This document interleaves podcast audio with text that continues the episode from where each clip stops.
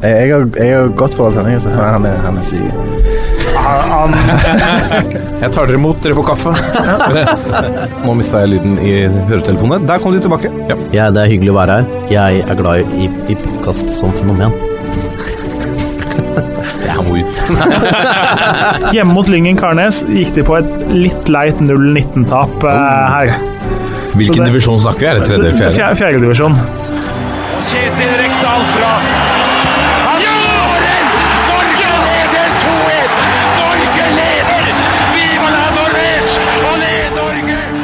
Og der er uh, toppfotball tilbake igjen. Eh, denne gangen sitter jeg i studio hos Moderne Media med en, eh, en mann født og oppvokst på Oppsal i Oslo. Eurosport-ekspert. Og før det i Seymour og i TV 2 over åtte år. Tidligere spilt for Vålerenga, Strømmen og Drøbak. Tidligere trent Skeid og sterkt linka til jobben som sportsdirektør i Vålerenga i 2008. Nå er det en rekke eh, mer eller mindre ivrige supportere på Twitter som ønsker at han skal ta den jobben på nytt. Kåret til årets Oslo-borger av Aftenpostens lesere i 2012, og sønn av eh, legendariske eh, Leif Eriksen. Bengt Eriksen, velkommen. Takk for det. Det nevnes ikke noe om din mor. Det er jo, må jo være litt sånn Folk omtaler deg ofte som sønnen av Leif Eriksen. Du er vel strengt tatt også sønnen av din mor? Jeg er datter av eh, Vesla Eriksen. Si, Vesla er ikke navnet hennes, men eh, hun blir bare kalt Vesla. Men Vesla, min mor er fra Kampen, og min far er fra Vålinga. Så de eh, eh, Det er vel derfor jeg sier at jeg enten er eh, født eller lagd eller begge deler rundt Jordal Amfihetsted. Så jeg er en garderobe, men eh, min mor er en knupp av en dame. Nydelig. Så det er eh, Eh, Og så har jeg trent Drøbak-Frogn, da. Ikke spilt for dem. Riktig. Bra, bra korrigert. Ellers så var det tåler, tåler riktig, eh, Ja da. tror jeg. ja da. Vi, eh, vi skal eh, jeg gleder, jeg gleder meg til vi skal snakke masse med deg, Bengt. I denne sendingen så skal vi eh, selvfølgelig ta for oss rundens øyeblikk. Vi skal eh, diskutere om Glimt kan ta gull. Det ser veldig lovende ut. Klarer de å holde det helt ut? Det er interessant å synes om. Lars Lagerbäck har tatt ut en landslagstropp mot Malta og Sverige. Bør Erling Braut Haaland starte på topp? Det kan vi jo mene litt av hvert om litt senere. Eh, og så skal vi selvfølgelig ha noen lyttespørsmål mot slutten. Dette er toppfotball. Og da har vi kommet til rundens øyeblikk, eh, Bengt. Og du hadde plukket ut eh, opptil flere. Ja, jeg har, jeg har sett noen perler i, i helga som var. Da snakker jeg om Eliteserien. Men jeg syns jo at øh, Onni Valakaris uh, scoring mot Brann var et øh, smykke av en scoring. En uh, var det halv volley eller halv volley, som han trer opp i krysset der. Det syns jeg var utrolig flott uh, utført. Og viktig selvfølgelig med Tromsø-seier. Men jeg ble jo også litt blenda av angrepsspillet til Bodø-Glimt. Da tenker jeg ikke først og fremst på skåringa til Saltnes, men på angrepet forut for skåringa. Hvor du bare sier klikk-klakk, og så bruker de ett touch på å tre seg gjennom et helt uh, Vålerenga-lag. Syns jeg er et vakkert uh, Jeg syns det er vakker fotball. Salvesen har 2-1 mot, uh, mot klubben han spilte for i går, holdt jeg på å si. Altså for et kvarter siden. Ja, det er men, Spesiell, spesiell kamp så raskt etter det byttet mellom Moss og Ja, det var en fantastisk skåring også. Den er selvfølgelig på lista når jeg tenker meg om. Men den har jeg ikke så tett på, for da satt jeg opp på noe annet. Men jeg så skåringa, øh, og jeg har sett Salvesen mye. Og han har ikke veldig øh, god rekord på å skåre de gangene jeg har sett den, og så er jeg ikke så mye Ullkisa. Men i start så jeg ham mange ganger, og Sett som en fin type, men har skåra lite mål. Men dette var litt av et smykke. Jeg tviler på om han har skåra noe flottere mål enn det. Nå kommer pulsen. Så har vi kommet til eh, pulsen, og vi eh, skal ta for oss eh, to ting hovedsakelig. Eh, det første som flere og flere stiller seg spørsmål om, inkludert de lenger nord vi vil tro er Bodø-Glimt, fordi eh, de må vel kunne kalles årets overraskelseslag, årets formlag. Det er, eh, altså, de spiller en leken fotball, det er ikke bare gode resultater, det er god fotball som ligger bak det også. Eh, Bengt, kan de ta gull? Ja. Selvfølgelig, kan- selvfølgelig Ja, det, de det det. er jo klart det kan. Det ligger, det ligger faktisk best an til Ja. å ta gull. De har gjort en uh, veldig god sesong, altså. Og fått nok øh, noen til å skvette litt på tips osv. før sesongen. Men eh, jeg syns det er spesielt sterkt at de får 0-6-tap mot Vålinga og går rett derfra ut i en serie med seier igjen. Det vitner om, øh, om karakter. Men så er det noe med det mot slutten av, øh, av sesongen. da. Det er et Bodø-Glimt-lag som aldri har vunnet serien, og serien for meg den starta i 1963. Hvor vi fikk serien innenfor samme kalenderår, og siden har vi bygd ut fra 10 til 12 til 14 til 16 lag. Eh, Da skjer det mye. Kan vi virkelig klare det? Kan de få litt hetta opp i Bodø? Det det er mye som spiller inn der eh, da, men eh, med så lave skuldre og så leken fotball som de spiller nå, nå om dagen, så er det jo klart de kan bli seriemestere. Hvis de tar gull, er det vårt Leicester? Er det, er det så Ja, Det er vel det nærmeste vi kommer, så vidt jeg kan huske. Det er stort sett eh, det, er stort sett gjengangere som, og da snakker jeg jo oftest om Rosenborg, selvfølgelig. Men uh, det er i så fall eh, utrolig sterkt med tanke på høsten Bodø-Glimt hadde i fjor også, hvor de nesten ikke vant, vel. Hadde vel en haug med uavgjorte.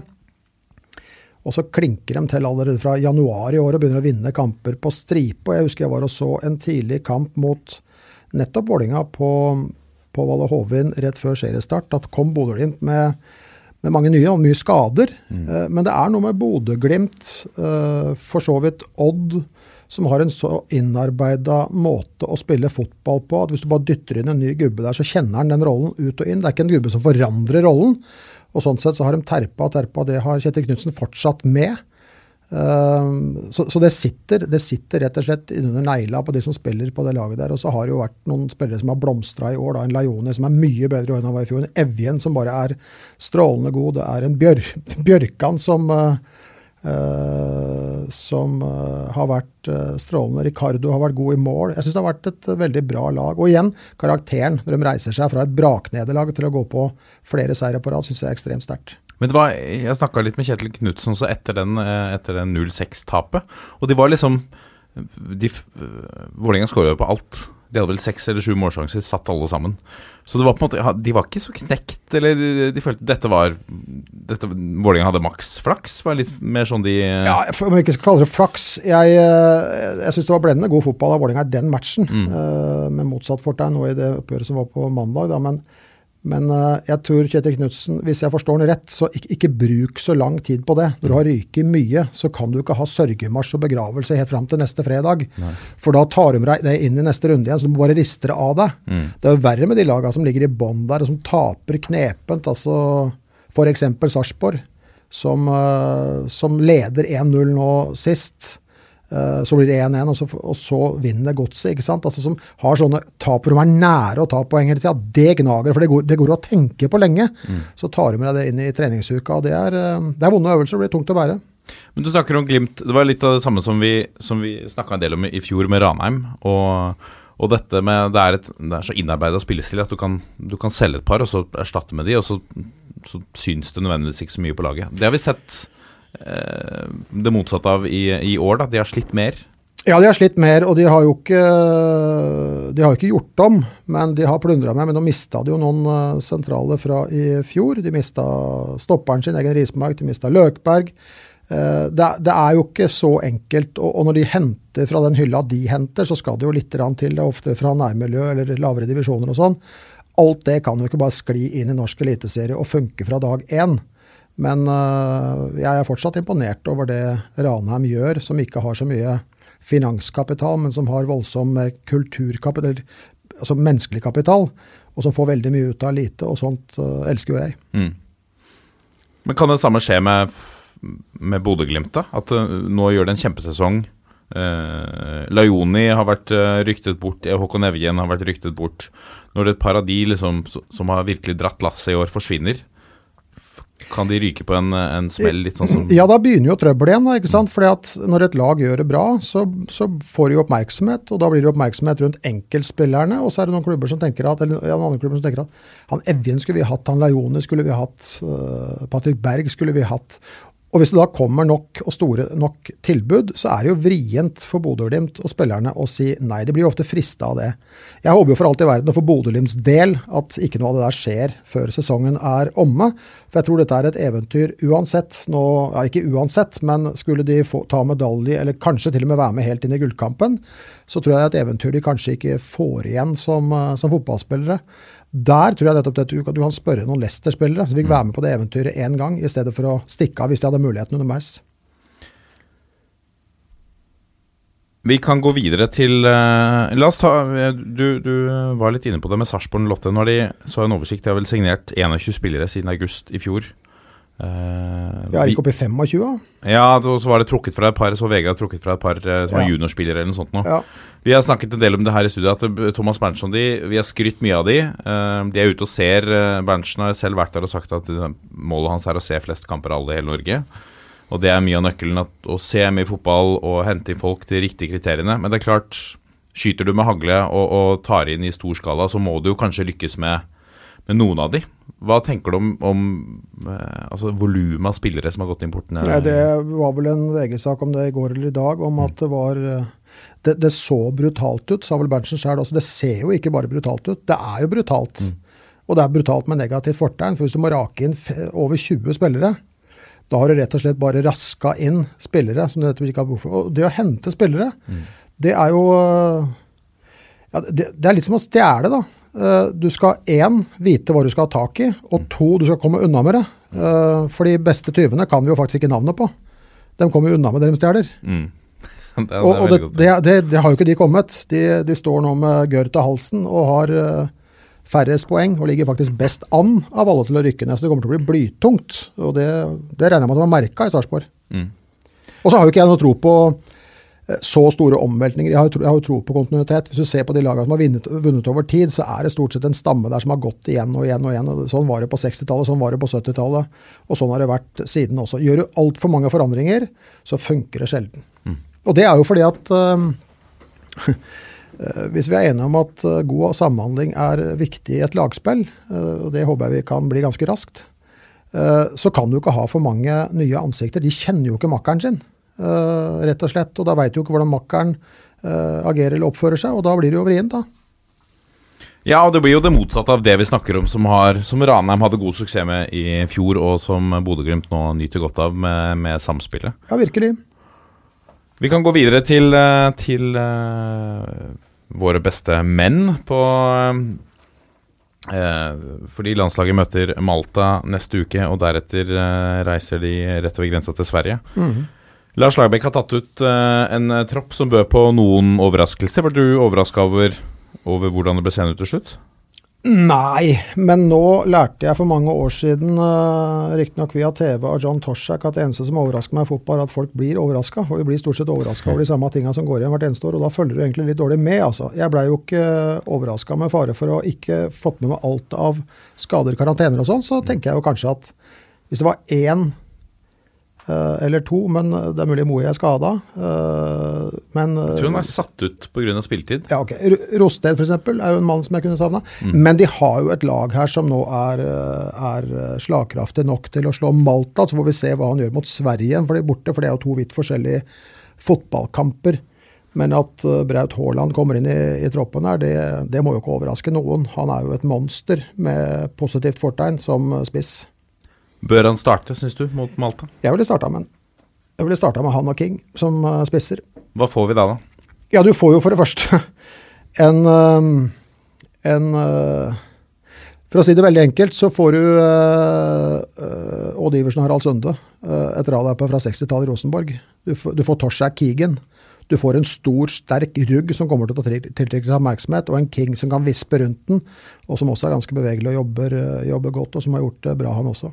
For det er jo litt den rollen Bjørn Mars har hatt når han har startet for Norge. Han har, har han riktignok skåra uh, flere og redda oss mot, uh, mot Færøyene, men å vinne dueller med Joshua King rundt Og, og uh, Erling Braut Haaland er vel hakket også hvassere foran mål enn Bjørn Mars. Eh, Ja, det tror jeg det er statistikk på, men i mitt hus er han i hvert fall det. Jeg hadde ikke blunka engang hvis jeg skulle vel, måtte velge mellom de to, Mars og, og Braut Haaland. Nå var jeg på Brann stadion i fjor og så Braut Haaland feie inn var det fire stykker på, på kort tid. Det er noe av det råeste jeg har sett. En, eh, for, det første en spiss i Norge, og for andre med, med så ung alder. Det syns jeg var helt fantastisk. Han har stor fart, han er uredd, han er tøff, han har teft for, for eh, mål. Og hva mer, du, hva mer trenger du da, som, eh, som spiss? Vi begynner å få en ok sentrallinje med Berge, Ayer, Braut da, og, og, og, og, King. Men, men ved siden av Kristoffer Ayer, da, det er jo et uh, hodebry for hvert fall mange av de som uh, sitter på stadionet og ser på, eller eh, foran TV-skjermen. Nå har han, Lars Lagerbäck tatt ut både Even Hovland og Tore Reginiussen. Tore Reginiussen har vel sagt at han begynner å telle på knappene generelt.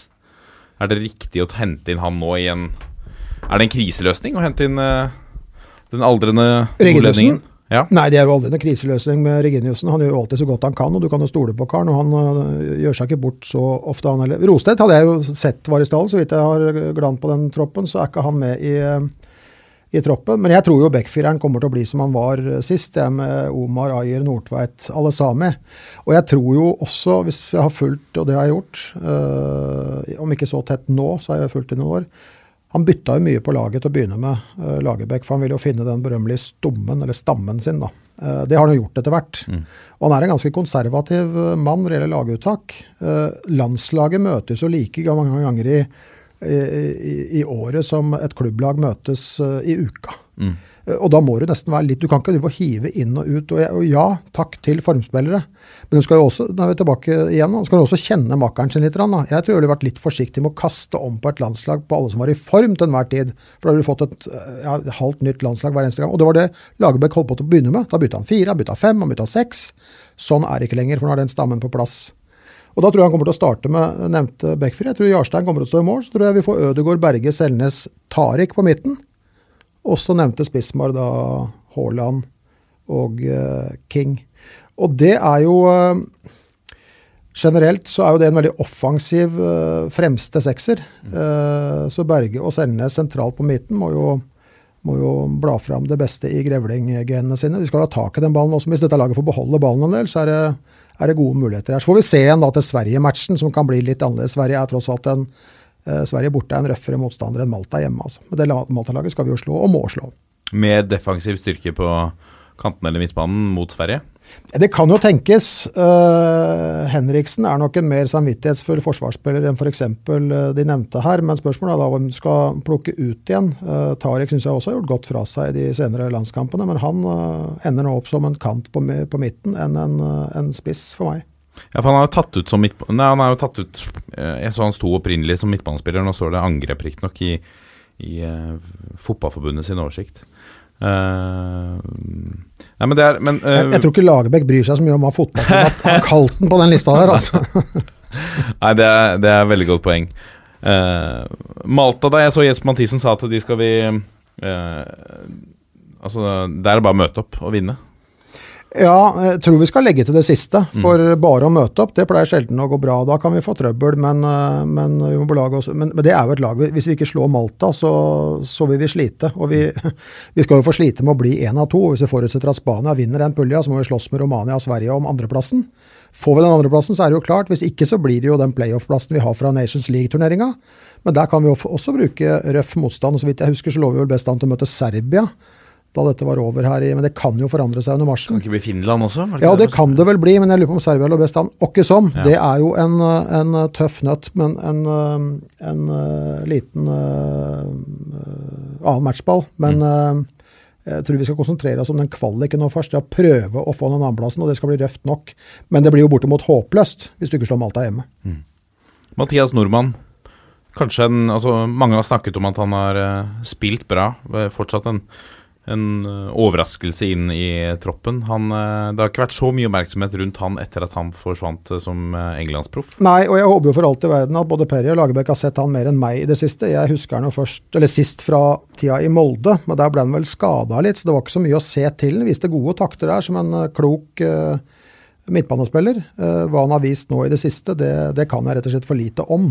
Men det må jo de ha gjort seg opp en, en formening om. Men eh, det er vel mulig at det er litt sånn potensiell eh, landslagsspiller da, som skal være med litt inn i eh, starten her. Ja, Du tenker at han, for å kjenne på, på gruppa og Ja, Nå skal vi ikke ha med turister og helt uh, altså sånne som rusler forbi treningsfeltet som skal være med for å se hvordan dette ser ut og sånn. Uh, der er han jo ikke. Og, og det var jo mye snakk om da han var i Molde også, men der ble det litt lite spilletid. Bl.a. pga. skader. Hva tenker du om den andre diskusjonen som pågår, som er Magnus Wolff Eikrem og e- en av de vært en av formspillerne i årets eliteserie. Ikke funnet eh, god nok for troppen til Lagerbäck. Nei, og det er jo egentlig en eh, skal vi si, en god gammel historie for meg som er gammel nok til å, huske blendende Sverre Brandhaug uh, i Rosenborg-tida. Han var altså så dritgod i den Rosenborg-drakta, men så datt han litt gjennomer i landskamper, og noen gjør det. Men uh, Wolf Eikrem har hatt en fantastisk uh, sesong i Eliteserien, og så skal du da først og fremst klemme ut enten Berge eller Selnes, så har de noen kamper under vesten sammen. da, og, og Det er liksom, det er litt vriene avveining noen ganger. Og sier ikke jeg at uh, Sverre Brandhaug var drita dårlig på landslaget. Han var helt guddommelig på det Rosenborg-laget i den tiden. Uh, kongen av Lerkendal, faktisk. Uh, men det er det strider mot Lagerbäcks natur og tankegang å drive og kaste inn formspillere til enhver For da, da mister han jo den stammen han har snakka om hele tiden, som han brukte da han var svensk landslagssjef, som han brukte da han var Islands landslagssjef. Du, du kunne jo plukke ut det islandske landslaget hans uh, lenge før den troppen uh, ble offentliggjort. Men nå har han Mange sier jo det at ja, han passer ikke inn i Lagerbäcks måte å spille på. Men når det butter imot, da ville det ikke vært bra å ha en, en type En joker som du kan sette inn på og nesten forandre mye av eh, spillestilen som da kanskje ikke har fungert? Da, Jo, en joker er jo like fint i fotballspill som i kortspill. Det, det er jo veldig greit å ha. Uh, nå er det jo begrensa mange du får lov til å plukke ut denne troppen nå. Altså, han, han, jo ha, han har nok litt flere tanker i huet. Altså ikke så mange, men han må ha litt flere tanker i huet enn den menige, til, menige tilskueren Lagerbäck. Altså. Men uh, jeg, jeg tror ikke det er noe særlig tvil om at uh, Wolf Aukrust hadde fortjent en plass i den troppen. Men hvis Lagerbäck har tenkt at jeg kommer ikke til å starte med deg, så ja, ja, det er kanskje derfor han har venta, da. Det blir uansett uh, veldig spennende. Uh, vi får håpe de både møter opp og vinner. Uh, først mot Malta og deretter mot, mot Sverige. Altså hadde det ikke vært oss imot om, om Erling Braut Haaland får et par kasser også. Dette er toppfotball. Det er jo spennende å bli litt mer kjent med deg, og, og vi skrev jo på Twitter også at vi skal ha besøk av mannen som kom med, med det mye omtalte forslaget om å fjerne muren i, eh, på frispark. Ja. Eh, kan du ikke ta oss For de som eh, ikke har fått med seg det, kan du ikke ta oss litt tilbake hva det stammer fra? Jo, eh, det sa jeg offentlig første gang under eh, prøve-VM i 2005. Eh, TV 2 satt vi og hadde sendinger på taket av TV 2-bygget på Karl Johan. Eh, Da sa jeg det offentlig. Jeg hadde vel ment det før det også. Jeg tror, jeg tror Nå kan vi diskutere avstanden fra mål, men eh, ja, si 25 meter ish. Eh, Det er jo det hinderet for keeperen. Eh, Jeg har sagt at hvis du liner opp alle spillere i troppen i de ulike eliteserielagene og ber dem skyte på keeperen sin uten mur, i tur og orden, fra 25 meter pluss, så er det ikke mange av dem som skårer. For da ser keeperen hele utgangen av skuddet. Han ser alt. Nå ser han ballen etter 16 meter. Eh, Dette har jo frisparkskytterne stått og øvd på. Eh, Velger hjørnet deretter osv. Kronargumentet fra motstanderne mine har jo vært at da setter jo motstanderen opp mur. Eh, Ja, men ser er ikke akkurat det poenget, for å hindre sikten til keeperen. Jeg tror det er, jeg tror det er dumt. Jeg ville fjerna den muren hvis jeg sto i mål. Jon Knutsen var inne på tanken i Stabæk da han sto i mål der. Men det er to til, skjønner du, som siden 2005 har uttalt seg om dette. Okay. Og han ene står fortsatt i mål. Og han sa at jeg kan jo ikke gjøre det, jeg vil jo ikke ha den muren, jeg kan jo ikke gjøre det, for folk må jo tro jeg er gærne. Det er Gigi Buffon. Så han tør ikke av den grunn. Den andre som har tatt til orde for dette, og det hørte jeg først også etter 2005, det er jo Johan Cruyff. Jeg syns ikke jeg er i så verst uh, selskap, jeg, altså. Uh, for de har tenkt litt, dem også, og han ene praktiserer dette fortsatt. Uh, jeg kan ikke se annet enn at den muren er en svær hindring for keeperen, og jeg tror hvis han får fri utsikt, så er jeg ganske sikker på at det kommer til å gå bedre. Da må det være hardere og, og like presise skudd. Det tviler jeg på at det får til. Men uh, igjen, ta testen på disse rundt om på eliteserielagene. Så tipper jeg det er et fåtall som scorer hver gang de prøver. Og igjen, hvis kronargumentet er at motstanderen setter opp mur, ja, my point exactly. Jeg ville jo tenkt at med, uten mur da, så må keeperen konsentrere seg om to, to sider. Uh, og med et skudd da som går på mål, så er sjansen større for at det går inn. Ja, men det er jo ingen som har turt å prøve, da. Og han som har vært verdens beste keeper en stund, han tør heller ikke å prøve, for han er jo redd for at folk skal tro han er gæren. Men han vil jo helst ikke ha den muren der, for han ser jo ikke en dritt. Han ser jo først den ballen de siste 15-16 metera. Ja. Men når du møter, hvis du møter en av de eh, La oss si Alexander Stølås, da. Ville du turt der å, å latt være å sette opp mur som, som keeper? Ja, men da kan, jo, da kan de jo prøve nede i Haugesund og se hvor mange Alexander Stølås skårer fra 6-5-6-27 meter eh, på skudd med, mot keeper uten at det er noen i veien der, eller uten at det er, uten at det er den muren der. Jeg tror ikke det blir så mange, så han får ti forsøk. Nei, det er uh, interessant. Vi må jo håpe at det er noen som gjør dette. Dette minner meg egentlig litt om en episode som jeg hørte i en, en annen podkast om en basketspiller som var innmari dårlig på straffekast. Så endret han måten å kaste på fra å kaste på den ordinære måten til å ha et, det de kalte et grandma throw, hvor du holder ballen mellom beina og kaster den oppover. Eh, og da økte han treffprosenten eh, vanvittig og begynte å bli en sikker straffeskytter. Men han ble så mobba av eh, alle i ligaen og alle lagkameratene at han stoppa å gjøre det. Så at det, det kollektive presset tar over for all logikk, da. Ja, men det, det er så mye, det er så mye eh, rar vi er, Der er vi veldig konservative, faktisk. Vi skal ikke gjøre om på noen verdens ting. Jeg husker vi hadde, vi sto over the corner med mitt skjærlag. Vi hadde Erik Noppi som midtstopper. Han var svær som en bygård. Eh, Men han skulle jo komme bakfra og løpe inn. Da. Men det viste seg at Erik Noppi han sleit med det. Han Han sleit med å time løpet og opphoppet. Så han kom bort og foreslo kan ikke jeg stå stille på første stolpe. For når jeg står stille, så er jeg så svær at når jeg hopper opp stillestående, og han, og han som skal markere meg, står stille, så klarer han ikke å slå meg. Jeg sier, men det er, jo, det er jo godt tenkt, Erik. sa. Da gjør vi det. Det gjorde vi på Brann stadion. Vi vant 1-0. Ståle Andersen tok corneren. Erik Noppi stanga inn 1-0. Vi vant 1-0. Eh, Da ble det plutselig et aktivum fra det han hadde plundra med lenge. Så er det motsatt fortegn igjen. Jeg husker Med det samme skjærlaget så skulle vi møte Molde på Voldsløkka i 99. Og når jeg så det arsenalet som Molde kom med Andreas Lund i front, en rugg og virkelig ekkel, og, og hanskes med luta, så, så spurte jeg spillerne mine skal vi stå igjen med keeper pluss tre, og så legger vi sju på midtstreken. Så ser vi hvor mange Molde kommer med. Så må vi satse på at Roger Våler som står i mål, kan gå ut og fange den ballen, eller hva det nå måtte finne på å gjøre. Hvor mange de sender fra osv. Hvis han får tak i den ballen, så feier vi av gårde et kast fra Roger Våler, så får de en kontring imot med sju stykker. Men det turte ikke gutta mine. Nei, jeg, hvis dere ikke tør det, så blir det litt vrient å gjøre det, for da blir det veldig halvveis dette her. Jeg tror ikke engang jeg rakk å sette meg ned, sitte, sette meg ned på den benken før Molde leda 1-0 etter corner. Andreas Lund. Han måtte vi rive ut fra hekken bak der.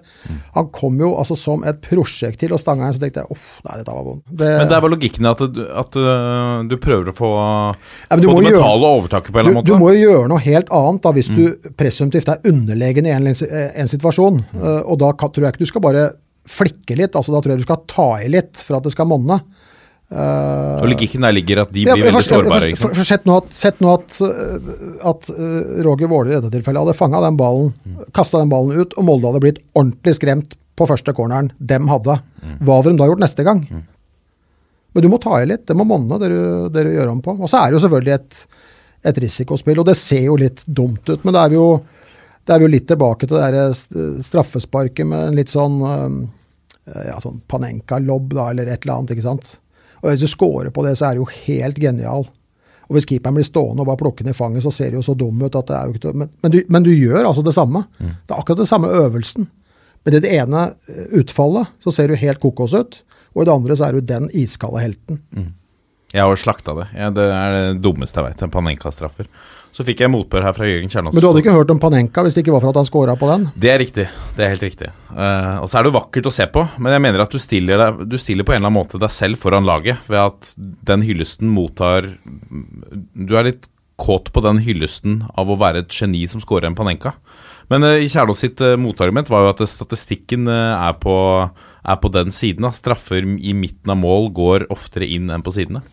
Det er, jo helt, eh, det er jo helt merkelig at eh, keeper eh, tar sjanser på et hjørne i det hele tatt. Gå etter ballen er nå mitt mantra. og jeg, Det er sikkert tusenvis av statistikker på det, men en av dem jeg leste, er i hvert fall at de som går til høyre, har litt større eller litt mindre sannsynlighet enn de som går til venstre. Men de som går etter ballen, de har høyest sannsynlighet. Mm.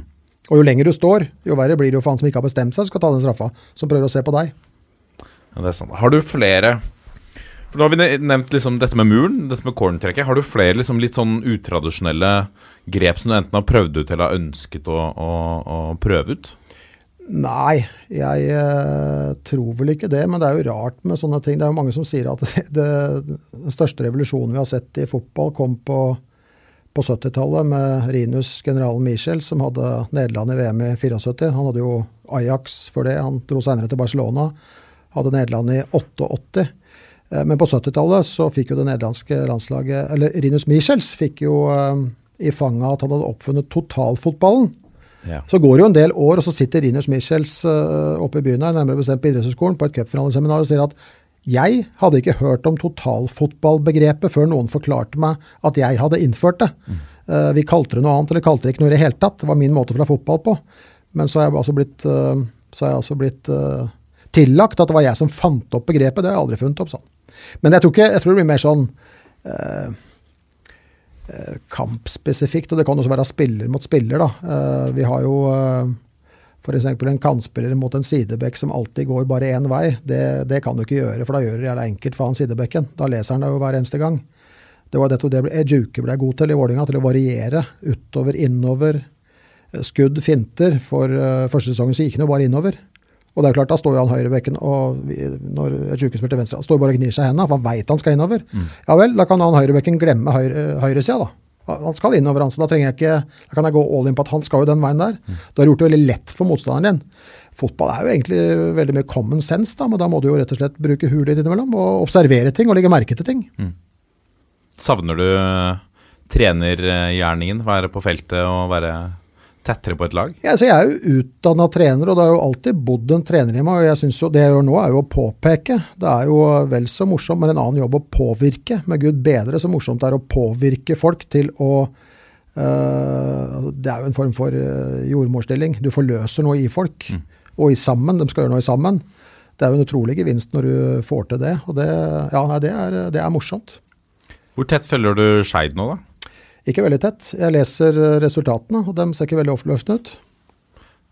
Har du tro på at de, eh, at de tar et steg opp, eller er, det, er liksom tida litt forbi for, eh, for at lag som Skeid skal klare å, å Jeg, jeg tror ikke tida er forbi for, for noen, ja. men nå kjenner jeg for lite til hvordan Skeid driver. Jeg kjenner jo til Tom Nordli, jeg kjenner et par som sitter i styre og stell her. Men jeg, jeg, skal, du, skal du uttale deg om sånn, så må du nesten vite litt hvordan de driver, altså. Og, og det, det kan jeg for lite om. Jeg bare ser at det tikker inn resultater i helgene her som, som ikke er nødvendigvis. Det var det første laget i den ligaen som, eller serien som tapte for båndlaget Tromsdalen også. De hadde vel ikke noe seier her for et par uker siden, og så slo de, øh, slo de uh, Skeid. Så det ser, litt, det ser litt mørkt ut resultatmessig, men det er jo alltid eh, det er jo alltid mulig da, eh, å ta, ta noen jafs, om ikke på kort tid. Vi, eh, vi fulgte jo Østersund i Europaligaen for noen år siden, her, og det, de kom jo fra ganske langt ned. Det er mulig at, eller Nå ser det jo litt eh, dårligere ut igjen, men, men det er jo alltid mulig hvis du gir opp det håpet der. sånn, du, du, må, altså, du, må, du må tenke litt sånn eh, For det første må, tror jeg du må slutte å herme. Du må lære av de beste, men så må du jo liksom pare det du ser av de beste, mot hva er førstepri nå, hva har vi muligheten til å gjøre nå, hva kan vi eventuelt gjøre seinere, med tanke på hvilke midler du rår over osv. Men øh, det er vel eh, Eller det var vel Bill Shankly som sa det på 70-tallet, at uh, det som var viktigst i fotball for 30 år siden, uh, er viktigst i fotball i dag, og kommer til å bli viktigst i fotball om 30 år. Og det er jo uh, sammensetning av lag, da. Spillestil. Altså hva er det du rår over av spilletyper? Hvilke ferdigheter har de hver for seg? Hvilke ferdigheter har de sammen? Og så lage slagkraftige enheter. Men det er klart, i mye større grad enn på den tiden, så har jo penger blitt et spørsmål, for det er jo det er jo, eh, det er jo altfor mye penger i fotball. Det er jo helt for mye galskap med penger. Men det er fortsatt folk som driver med penger. da. Det er penger, eh, penger ikke noe gærent. Hvis vi, hvis vi legger en tier her nå og går hjem begge to, så ligger jo den tieren her til i morgen hvis, ingen, hvis ikke det kommer et menneske og tar den. Mm. Så penga har jo ikke gjort noe gærent, de ligger bare der, dem. Men vi forvalter jo dette på en litt snål måte. da. Hva skal til for å, for å lokke deg bort fra, fra han som påpeker til han som påvirker igjen, da? Eh, du, det, det har jeg ikke tenkt så mye på, men eh, Men Hva eh, slags rolle eller hva slags klubb? Hva, ville du, hva måtte du hatt, på en måte? Eller, nå, nå snakker vi ikke om penger, men eh, Nei, for det tror jeg alltid skal komme til slutt. Eh, fordi hvis du ikke vil det, og ikke har driven til å holde på med det, det er ganske slitsomt. Uh, det er vanskeligere enn hva folk uh, tror når de uttaler seg, ser. At det skal bare få tak i en trener, og så skal han fikse dette her. Og da får jeg svare som eh, eh, eh, Jeg har en favorittrestaurant i Barcelona, og der eh, hadde jeg med eh, noen venner en gang, og så var det en som spurte han eh, kokken eller sjefen her, da, hva, var liksom knepet? Knepet, sier han. Ja, det er en sånn liten rød boks med sånt lite pulver oppi, sånn som vi kjøper nede i Asia et sted, og så bare dro han på smilebåndet. Nei, pulver er at vi har, liksom- vi har ti retter vi har lagd i 30 år. Vi kan dem, vi, altså. Mm. Og, og når folk liker dem, så kommer de hit. Det er jo gjentagelsens kunst, da. Gjentagelse, gjenkjennelse. Men jeg tror nok eh, for min del så, så hadde det jo vært eh, Og jeg sitter ikke og søker jobb, jeg bare prøver å forklare. Eh, Det hadde jo vært artig, fordi jeg er vel fortsatt Kanskje jeg kommer til å bli òg den siste fulltidsarbeidende treneren i Eliteserien. De jeg trente, inkludert, inkludert meg sjøl, treneren, vi jobba jo til eh, fire, vi, og møtte på Skeidbanen i halv fem-tida. Og så tok vi det derfra, som vi holdt på med i gamle dager. I dag er det et litt annet spill. Men det er et litt annet spill på mange andre områder òg, annet uh, mediet her. Altså er, trenere skal forholde seg til uh, veldig mange og veldig mye uh, som jeg uh, ikke behøvde. Fordi jeg kunne ikke møte Stabæk-treneren tirsdag klokka ett på Nadderud for et intervju med en eller annen avis. Jeg var på jobben, jeg. Så jeg måtte ta det der oppe. Og jeg og tenker på den forandringa der, sånn, så er jeg jo vokst opp i et trenerhjem, og da min eh, kjære far trente Vålinga til seriegull i 1981, så jeg tror kanskje Altså seriemesteren, treneren til seriemesteren, jeg tror kanskje, kanskje han var på TV to ganger det året. Nå er de jo på TV to ganger om dagen. Eh, Det er jo en voldsom forandring i alt du skal forholde deg til da. Hvis du da går går opp et par knepp og ser på de som holder på i, i England eller Spania, eller noe sånt, så er det, det er blitt en ganske betydelig del av jobben. Hvordan var det da å vokse opp i det, i det fotballhjemmet med at ja, nå, nå var faren din, som du sier Leif Eriksen var ikke så eksponert i media, men det må ha vært ganske mye fotball i det huset der. Ja, det var mye kjærlighet òg, men det var, eh, det var jo mye fotball. Og jeg var jo kjempeheldig, for jeg var jo uh, veldig interessert i dette. her, sånn, Så jeg var jo med på, på treninger og kamper overalt. da. Vi begynte jo med at han var uh, Gikk fra Vålinga til uh, Eidsvoll Turn. Eh, og på den tida var det jo Kjerrevei til Eidsvoll. eh, slutten av 60-, begynnelsen av 70-tallet. Så vi tok jo eh, jeg husker, I to år så bodde vi hjemme hos venstreving Terje Jensen og hans kjære kone Inger. Vi tok bilen opp på fredag, så var det fredagssending, så var det kanskje lørdagskamp. da, Så lå vi over til søndag. Så jeg bodde jo på Råholt annenhver helg i to år. Men jeg syntes det var kjempemorsomt. Jeg var jo med til Jevnaker, vi var der i to år også. Stoppa ved Harreshusen og kjøpte pølser og fulgte med laget på trening og fikk være med i garderoben. Og, så jeg har jo levd et liv i og med fotball hele tiden. Seinere da Skeid. eh, jeg var ikke så mye med til Skjold i Drammen, det var ett år. Eh, så var det jo Vålinga da fra 79 til 81.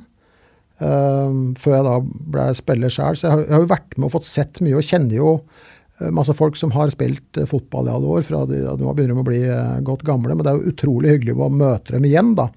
Og også kunne dra noen veksler på hvordan har den reisen her vært for norsk fotballs del også.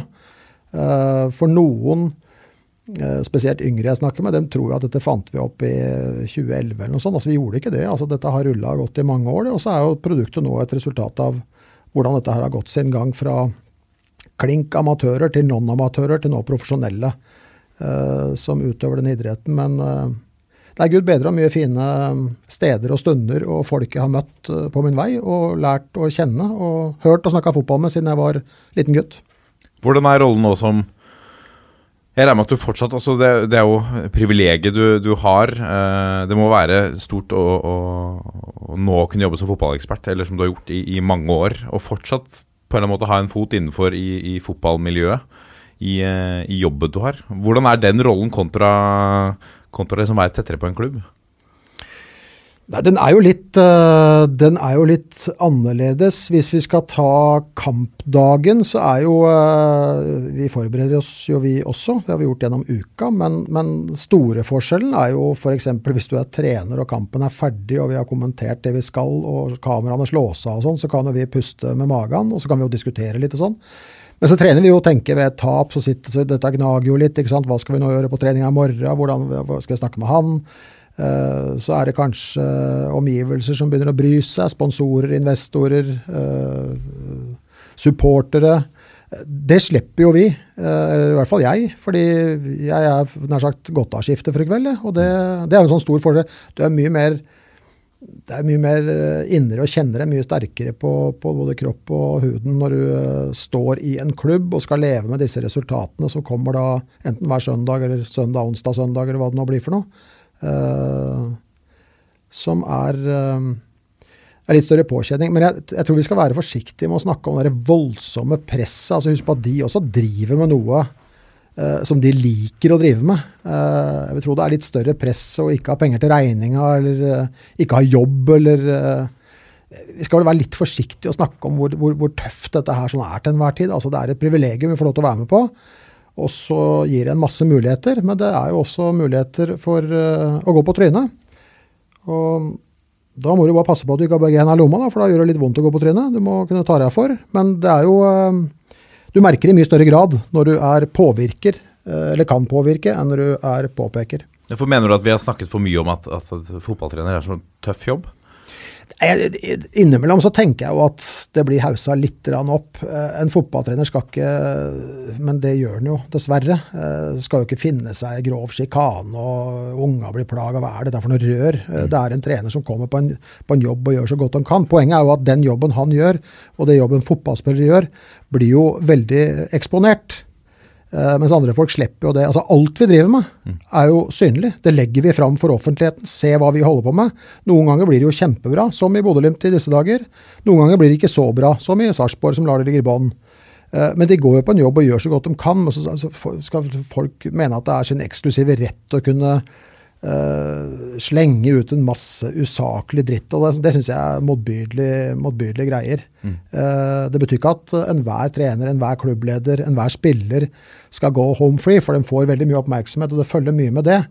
Men jeg syns ikke vi vi har, vi har, ingen rett til å kunne bare uh, kaste oss over dem som sånne bytter som naturlig nok vi bare kan tømme all dritten over. Men hvor, hvor, hvor, hvor mange går på jobben og syns bare det er helt ok hvor mange går på jobben og ikke syns dette er gøy. Mange, det er ganske mange, altså. Mm. De skal ha til salt i maten, naturlig nok. Men, uh, men, press De som ikke har jobb, snakker vi jo ikke om. De får jo ikke noe oppmerksomhet heller. Uh, de som ikke får ende til, til, å møtes, de, de, det, er, det, er, tøft, det òg. Altså, vi, vi, må ikke glemme at det er, uh, det er litt andre sider her. Mm. enn det at det skal være så kjempetøft å kunne få, få trenere som har gått fra Norge, hvor det er relativt uh, trygt og fint, og kommer seg til utlandet og får sikkert mye mer betalt. Uh, og så plutselig begynner han investoren å rote bort. Ja, hva tenkte du da? Hvis du får ti ganger så mye betalt, da får du, da får du jo være på Oppsal da, og pumpe baller og trene på nivå tre og ha det ganske behagelig, men, men, da får du ikke noe oppmerksomhet, du får ikke så mye penger. Får, ja, er, vi må velge våre slag her. Det er jo, det er jo sånn at når du når du søker høydene, så blir det tynnere luft, og, og så blåser det litt mer. altså. Mm. Vi kjenner deg jo som en engasjert, en, en, tydelig, er det noe som sier, en mann på, på, i både studios Eurosport og en rekke andre studioer ettersom året har gått. Men hva er det du vi er, vi, jeg, Det aner meg at vi toucher litt inn på det her nå. Hva er det du brenner for? Hva er det som er viktig for deg, sånn generelt? Generelt? Ja. Uh, ja, i den grad jeg, ja, jeg brenner, Jo, jeg brenner vel for det. Det er vel generelt det jeg syns uh, ledere, sjefer, folk i det hele tatt bør være opptatt av. Anstendighet, rettferdighet. Uh, lede han som Altså være skværhet. jeg setter jo pris på sånne begreper, og håper jeg selvfølgelig etterlever dem, jeg også. Jeg syns jo ikke det er noe kult at vi går med skjulte agendaer og rustne dolker og og tenker meg og mitt og til helvete med resten. Det jeg håper jo mange gjør det, og det er jeg jo sikker på at de gjør også. Det, det er faktisk, det bor mye skikkelige folk blant oss, men det er bare at uh, de som er litt røvere, får litt mye oppmerksomhet noen ganger. Um, men brenner for Det er jo ikke sånn at jeg går rundt på Oppsal med fak, altså, faner og sånn på ettermiddagen. Jeg driver jo ikke med det. Men uh, jeg tror mye jeg har gjort i hverdagen, jeg, da, med hvordan du, hvordan du ter deg, hvordan du oppfører deg, hvordan du er mot andre folk. Mm. Og, og hvis, hvis, vi gjør det, så, så, går det jo stort sett bra, og det gjør det jo som regel. Mm. Hva tenker du da om, om f.eks. sånn som eh, det har vært En, en av de store snakkisene har vært i, i Rosenborg, f.eks. Kåre Ingebrigtsen, som jo var en kollega av deg i, i, Eurosport, som nå gjør suksess i, i Belgia. For det der var jo et, et eksempel på mye av, det, mye av, det, som har vært diskutert, og som du også nevner. Eh, den derre redeligheten, kanskje. Altså Mange reagerte på måten det skjedde på. Ja, men det gjorde jeg òg. Mm. Uh, jeg jeg syns jo uh, det, er, det er Det er jo noe med å fall, altså, se forskjellen og vite forskjellen og etterleve forskjellen på uenigheter og uvennskap. Mm. Vi, vi, må kunne rett og slett vi må kunne bare akseptere at vi er dundrende uenige. Men vi bør ikke bli uvinnere av, av den grunn. Og det er faktisk, min erfaring er at det er helt utrolig hva folk tåler hvis de bare opplever at det som kommer og skjer, eh, gjøres, skjer på en skvær og ordentlig måte. Dette virka veldig lite skvært, veldig lite ordentlig. Eh, og da skjønner jeg at, eh, at Kåre og Erik Hoftun føler seg dårlig behandla. Men dette skjer jo veldig ofte, da. Og hvorfor gjør det det? Ja, Er det fordi at vi er klønete til å konfrontere hverandre med ubehageligheter? Er det for at vi er for feige til å konfrontere hverandre med ubehageligheter? Fordi ubehagelighetene dukker opp. De dukker opp i familier, de dukker opp på arbeidsplassen, de dukker opp i klubber, de dukker opp i vennskap eller i venneflokker. Men da må du nesten uh, gå til rette vedkommende. da. Uh, ta rett og slett og sende det kortet med rett adresse. Uh, også med, med sånn rimelig klar tale. Og det Jeg vet ikke Jeg er jo jeg er oppdratt av at sånn skal være. Sånn har vi oppført oss mot hverandre. Min mor og far har etterlevd det i, i praksis, både på hjemmebane og, og, og på fotballbanen og ellers. Og, men det, det, det minner meg om en eh, det minner meg om en eh, gammel engelsklærer, eh, Olaf Hetland. Og det, og det bildet syns jeg er ganske bra med tanke på tydelighet. For det er, ikke, um- det er ikke mulig å ikke se det bildet. Men jeg var nok litt skravlete i timen. Fantastisk lærer, utrolig fin mann. Eh, men han klarte å kleppe ut eh, såkalte språkbilder, eller metaforer, eller hva vi, vi kaller dem, hvor han sier til meg at Bengt, nå tier du stille. Eller så kommer jeg ned og kastrerer deg med tenna. Og så tok hun en liten kunstpause og så sa han jeg vil helt sikkert ikke lykkes, men alle vil se at jeg har gjort et realt forsøk. og, og, og du får opp det bildet med en gang. Du skjønner at nå mener han alvor. Nå surrer du ikke mer med, med Olaf i dag, ikke sant? Og jeg, jeg, tror, jeg, jeg, tror, vi har, jeg tror vi har mista noe. Jeg tror vi har, eh, jeg tror vi har mista evnen til å være direkte. Hva det skyldes, uh, veit jeg ikke helt, men jeg ser jo ikke bort fra at vi har begynt å lære hverandre sånn ansvarsfraskrivelse. Det er jo alltid noen andres skyld. Eh, det, det er liksom ikke, det er ikke min skyld. Eh, Det er ikke, det er ikke jeg som har gjort noe gærent og sånn. Eh, det, det tror jeg er eller det, det, det mener jeg å vite er en jævla uting. Og jeg tror det har med jeg tror det har med mot å gjøre. Jeg tror det har med skværhet og ærlighet å gjøre. Og det, det tror jeg ikke er noen bra retning i det hele tatt. På, no, på noen som helst måte. Nei, for det er på en måte altså, Trenere kommer jo alltid til å komme og gå. Det kommer jo til å være masse konflikter også i, i, i årene framover. Men det er jo forskjell på, på å si at uh, vi er ikke fornøyd med treneren som vi har nå, så vi må bytte den ut. Enn, Ja da, men- å, enn at jeg, jeg føler de avgangene vi har sett nå, både med for så vidt med, med Da Drillo ble bytta ut nå i, i sin andre periode som landslagssjef, hvor, hvor det var mye rot. Ja, og jeg- Rekdal i start, Kåre Ingebrigtsen eh, Jeg, for å begynne med et av dem. Jeg, jeg har jo øh, diskutert til dels krangla med Drillo omvendt. Uh, vi har et godt forhold, i hvert fall jeg har et godt forhold til han. Men, men øh, jeg, jeg bare, det er noe av det dummeste jeg har sett. Uh, altså For det første så er det et opplagt at han skulle sitte i de to- to-tre kampene ut året. For det andre er det helt opplagt at Per-Mathias Høgmo skulle sagt at jeg vil gjerne ta over det landslaget, men ikke før de to-tre kampene der er ferdig. Vi, vi gjør ikke noe med det, ikke sant? Og så er det noen kløner i forbundet da, som klarer å rote til dette noe så kraftig, og så blir det dårlig gjort igjen. Eh, og min gamle sjef Kåre Valbrok han lærte jo, han sa, satte jo ord på det at i skolegårdens frikvarter så merka du hvis du hadde gjort noe som var dårlig gjort. Det kjenner du i magen, da. Det, det, dette var dårlig gjort, ikke sant. Og hvorfor kommer vi opp i sånne situasjoner? Hvis du er misfornøyd med treneren, så foreslå at du inviterer han treneren inn på et møte når du begynner å bli misfornøyd, og så forteller hun hva du er misfornøyd med, og så finner du ut av hva kan vi, hvordan, hvordan vi, hva kan vi bidra med. Altså ta noen sånne runder. Men det må være noe konkret. Det må ikke komme deisende ned fra lufta etter at du har sittet inne på styrerommet eller andre steder og vært misfornøyd, uten å konfrontere han uh, i tilstrekkelig grad om at dette her går ikke. Og på et eller annet tidspunkt så går det ikke mer. Uh, ikke sikkert det går an å ha han treneren mer, men det er den prosessen fram dit som ofte blir keitete og klønete. Skyldes det feighet? Skyldes det klønethet? Skyldes det uvitenhet? Jeg vet ikke, men uansett så blir det dumt. Din egen eh, fotballkarriere. Eh, Hva er dine beste minner da fra tida på banen? Eh, du, dem er mange eh, med gode lagkamerater eh, i, eh, i Vålinga. ett år, jeg begynte jo i, i, i Oppsal fram til første års guttespiller, så gikk jeg til Vålinga som annetårs guttespiller, og så kom jeg jo da opp i, i eh, avstanden til Vålinga i 1983 på sommeren, og så debuterte jeg i semifinalekampen mot Steinkjer på Bislett i 1983, og det, det er vel kanskje, altså det er naturlig nok det første, og det husker jeg jo best. Min eh, far skulle være vert på Bislett for Gro Harlem Brundtland i den semifinalekampen. sett. Og hun, hun dro ikke på mange fotballkamper, tror jeg. Eh, og så debuterer jeg da, og så er det opp på den verandaen eller på Bislett da etterpå, og så forsidebildet i sporten av VG med Grodag for Eriksen. Eh, det er klart, det er jo spesielt, og det, hus det husker du. Det, eller I hvert fall husker jeg det. Du bør ikke huske det, men jeg husker det veldig godt. Ja. Og det er jo klart det er et spesielt øyeblikk, men det er jo masse med, med turer og treningsleirer og kamper rundt om i Intertoto og, og her hjemme og i cup og alt mulig. For de som ikke husker Intertoto, hva var Intertoto? Det var en sommerturnering som gikk, uh, som gikk da i Gleppa, hvor det ikke var seriefotball uh, her hjemme i Sverige. Og vi hadde Jeg husker vi møtte Hammarby et år. Vi møtte Ujpers Dotsja fra Budapest. Vi møtte var det Katowice i Polen. Uh, det var sommerkamper, en turnering som skulle dels holde oss i gang, og dels forberede oss litt på, på eventuelt Europacup uh, på høsten. Eh, og vi hadde, vi hadde ikke mye sommerferie, altså. Eh, det året jeg kom opp i Asdalen i Vålerenga, 1983, så hadde vi tre dager sommerferie. Eh, og den ene av de dagene så skulle vi opp på hva heter det for noe, Friskoteket, som var gamle, Kjell Kaspersen, gamle landslagskeeperen, som drev uh, sidegata til Bogstadveien. Eh, Vi skulle dit og testes.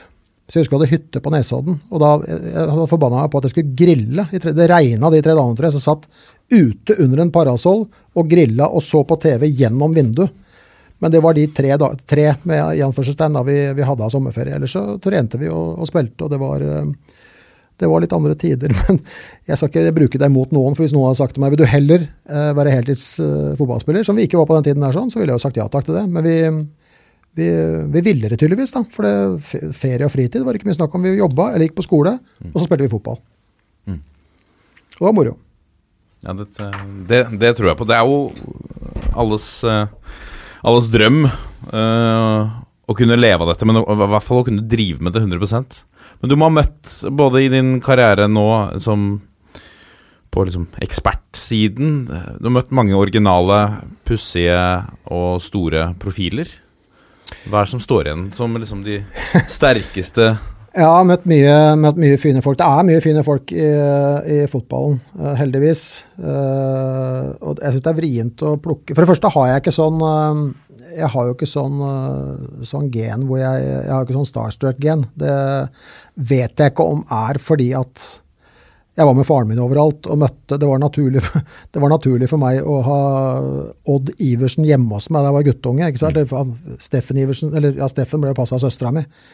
Så jeg, jeg, jeg vokste opp med de som var best på den tiden der. Eh, Så, så jeg blei jo aldri sånn jeg, går jo ikke rundt og blir blenda når jeg møter folk, og jeg går jo ikke bort stjerner jeg treffer. Jeg kan gå på under Europaligafinalen i fjor, så gikk jeg på, på David Ginola. Det var ganske morsomt, fordi vi, vi hadde det fryktelig travelt. Og da mener jeg fryktelig travelt. Fotografen sleit med å komme inn, og da, det er det litt vrient å lage TV. Uh, Alla Hegerberg sleit med å komme inn, så vi måtte ha tak i disse her sånn. Og så kommer altså Asbjørn, Asbjørn Myhre og jeg som løp rundt disse katakombene for å få dette her til, å stemme. Og Asbjørn Myhre er jo han er ganske glad i Tottenham. Eh, og vi står og så kommer David Ginola, skal, vi skal gjennom samme dør. Men han inviterer oss inn først, så han kan gå etterpå. Så sier jeg omvendt. Og så, så sier jeg til Asbjørn etterpå du vurderte ikke et bilde eller noe sånt. Det hadde jeg ikke tid til å tenke på, sa. Så vi bare raste videre. Men i den grad jeg har møtt folk, så har jeg jo Jeg har jo faktisk møtt George Best tre ganger. Ja. Jeg har faktisk møtt Lionel Messi en gang. Um, men igjen, eh, det er ikke noen bilder av det. altså. Jeg tar ikke opp eh, Andre gangen Barcelona var her og skulle møte Vålinga, så sto jeg i resepsjonen på Fotballforbundet og sto jeg sammen i ti minutter. og så, Han dunka faktisk borti meg da han gikk, men jeg hadde jo nikka altså, Nils, altså, nik, vi har nikka til hverandre.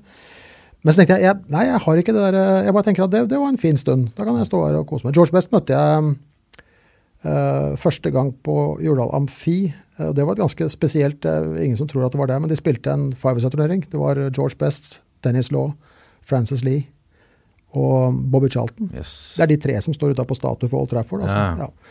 Eh, Så der var jeg inne i 20 minutter sammen med kompisen min og drakk te, mens, eh, mens bakeren Vi kalte den jo det fra Vålinga, massøren til Vålinga. Vi kalte den jo bakeren, for han knadde jo muskler.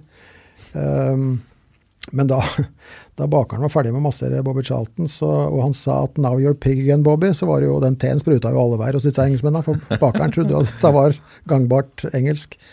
Eh, det, det slo jo litt eh, an på. Men det, nei, jeg syns jo det er eh, morsomme ting. Andre gang var på, Var på en pub i London som het The Pen. Det het, ja. Da hadde jeg tenkt han skulle få sitte for seg sjøl. Jeg bare så at det satt tre på den puben før jeg kom inn, og så skriver jeg bare på en lapp George Best. Men jeg, jeg måtte jo på do etter hvert, og da måtte jeg gå forbi. Så tenkte jeg jeg, jeg traff noe tross alt som guttunge. Jeg kan i hvert fall, jeg kan, jeg kan nevne det. Han skulle få sitte her fred for meg. Tredje gangen var bare i forbifarten uh, oppe i Chelsea-området. Men uh, det er jo store spillere, da. Pelé er jo kanskje den rareste, fordi det var under VM i 2006. Uh, hvor vi hadde øh, Vi er da noen TV 2-folk som hadde stadig vekk vært borte med en restaurant som het Bocca di Bacco i Friedrichstrasse i Berlin. Vi skulle innom der, det var uh, Davy Vatne, Erling Finsrud og meg, og bare si takk for oss. Uh, men, men døra var stengt. Uh, og da vi eh, da lukker opp døra, så sier han hva lurer det Nei, vi, altså, vi har vært her noen ganger og skulle bare si ha det til han hovmesteren. Og så eh, Ja, man får se om han sitter oppe i etasjen her. Så gikk vi. Men det var, var ikke noen hovmester. Så kommer en skjeggete kar, og så sier han eh, Jeg vet hvem dere har sett dere her før? Jeg sier, ja, vi har vært her noen ganger. Ja, dere, vi har slutta selskapet her, så må gjerne være med. Eh, og så dunker jeg bort i en stol, og bak meg sitter Pelé. Men eh, vi Vi var kollegiale. Vi hadde en avtale med resten av kollegaene våre i, på en sånn bule lenger borti veien. Så vi takka høflig nei, og så gikk vi videre. Jeg vet ikke om det var det, det skerpeste trekket vi gjorde, men eh, det var i hvert fall kollegialt og, og lojalt, da. Så vi dro nå, vi dro nå videre. Takka nei til det. Skvært, ville du Ja, kanskje det sagt er mulig det var skvært, men vi valgte nå å holde oss til planen. Stort.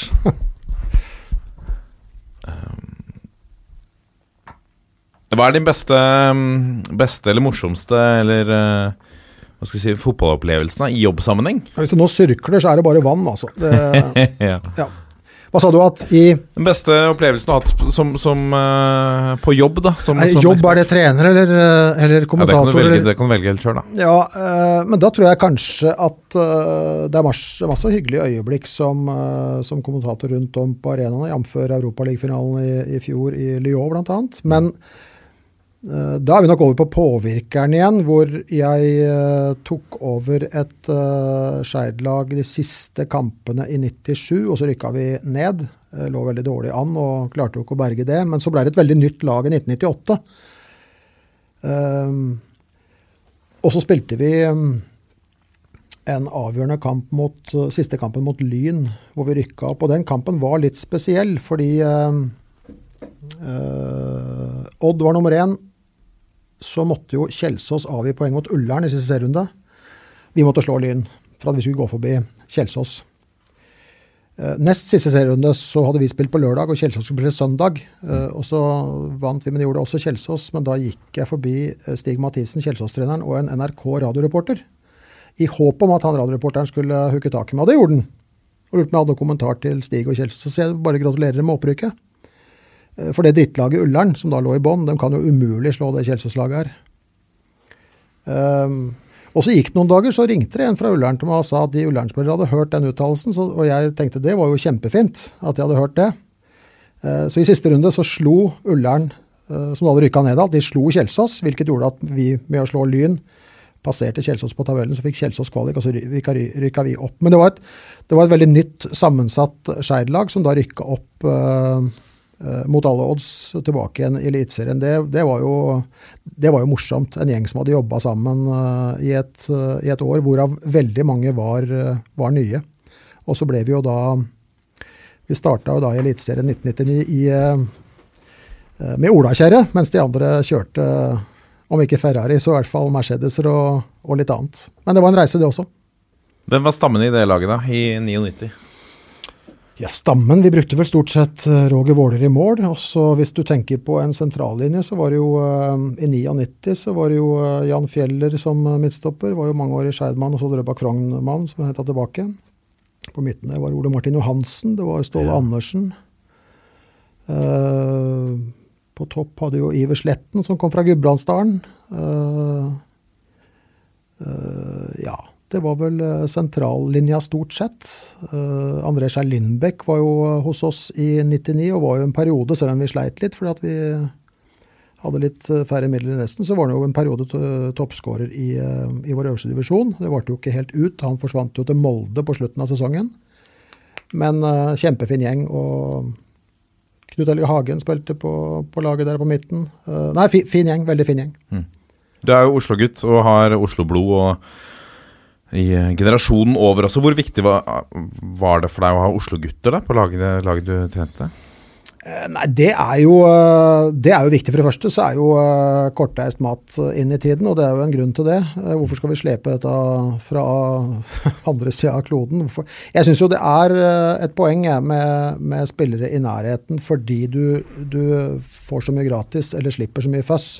Du slipper å eh, skaffe boliger til folk, du slipper å ja, De skal ja, ikke integreres, de skal, de skal få nye kompiser og alt mulig. Det er jo gull å kunne ha alt det der som på stell og spille uh, for den klubben som er i, i nærheten av deg. Eh, så er jo litt avhengig av uh, om ja, Penger er jo et tema der også, da tenker jeg på overgangssummer og litt andre rart også. Men, men jeg syns det det er et poeng. og Har jeg ikke helt på rams hvor mange Oslo-gutter vi hadde i Skeid på den tida, men jeg, eh, jeg sier ikke nei til eh, folk fra andre deler av landet, tvert imot. Men, men jeg syns det er et poeng hvis, kan, hvis vi finner noe tilsvarende i nærområdet. Og det syns jeg jo vi så i Eliteserien her for uh, 10-11 år siden? Hvor, uh, fra 2006, hvor det ramla en masse penger over norsk fotball. Så var det jo kø på Gardermoen, for alle skulle jo til verdens ende for å finne spillere. Men på Lillestrøm finnes det jo fortsatt fotballspillere på, på Kuland og Strømmen og Lørenskog og, og, og sånt. Og i Oslo så finnes det også fotballspillere. og jeg, jeg skjønner ikke helt Du kan vel begynne med å leite i nærområdet, uh, i stedet for å hente folk fra helt andre steder av landet, eller fra andre land, som da både koster mer, og som er mye mer uh, tungvint på alle måter. Hvordan syns du det går i de gamle klubb eh, Vålerenga, da? Jeg syns vel eh, for alle som uh, får leverposteien ut av øya, at det er jo, ikke, det er jo stort sett på, på stedet hvil. Og jeg hører jo at de, uh, at de uh, sier stadig vekk at de jobber steinhardt hver eneste uke. Og det jeg da må lure på, er jo om de jobber steinhardt med feil ting, hvilket er ganske dumt. Ellers er det vel alternativt sånn at de ikke jobber steinhardt. Jeg syns det går sakte med, med det prosjektet. Og det, det er jo ikke bare noe jeg syns, sånn er det jo de facto. Men er du en av de som, som vil ta store ord og si at pro prosjektet nærmer seg dødt, eller er det Hvor er eh, Altså, det vet vi jo ikke. Er, eh, hvor er lyset i tunnelen? Nei, er dødt. Jeg har litt for stor respekt for både treneryrket og, og klubbdrift og sånt, å si at ting er dødt. Men dette syns jeg går kraftig treigt. Eh, og det rare er jo at uh, du spurte jo innledningsvis om Bodø-Glimt kan bli seriemester, om Bodø-Glimt eh, har spilt den beste fotballen.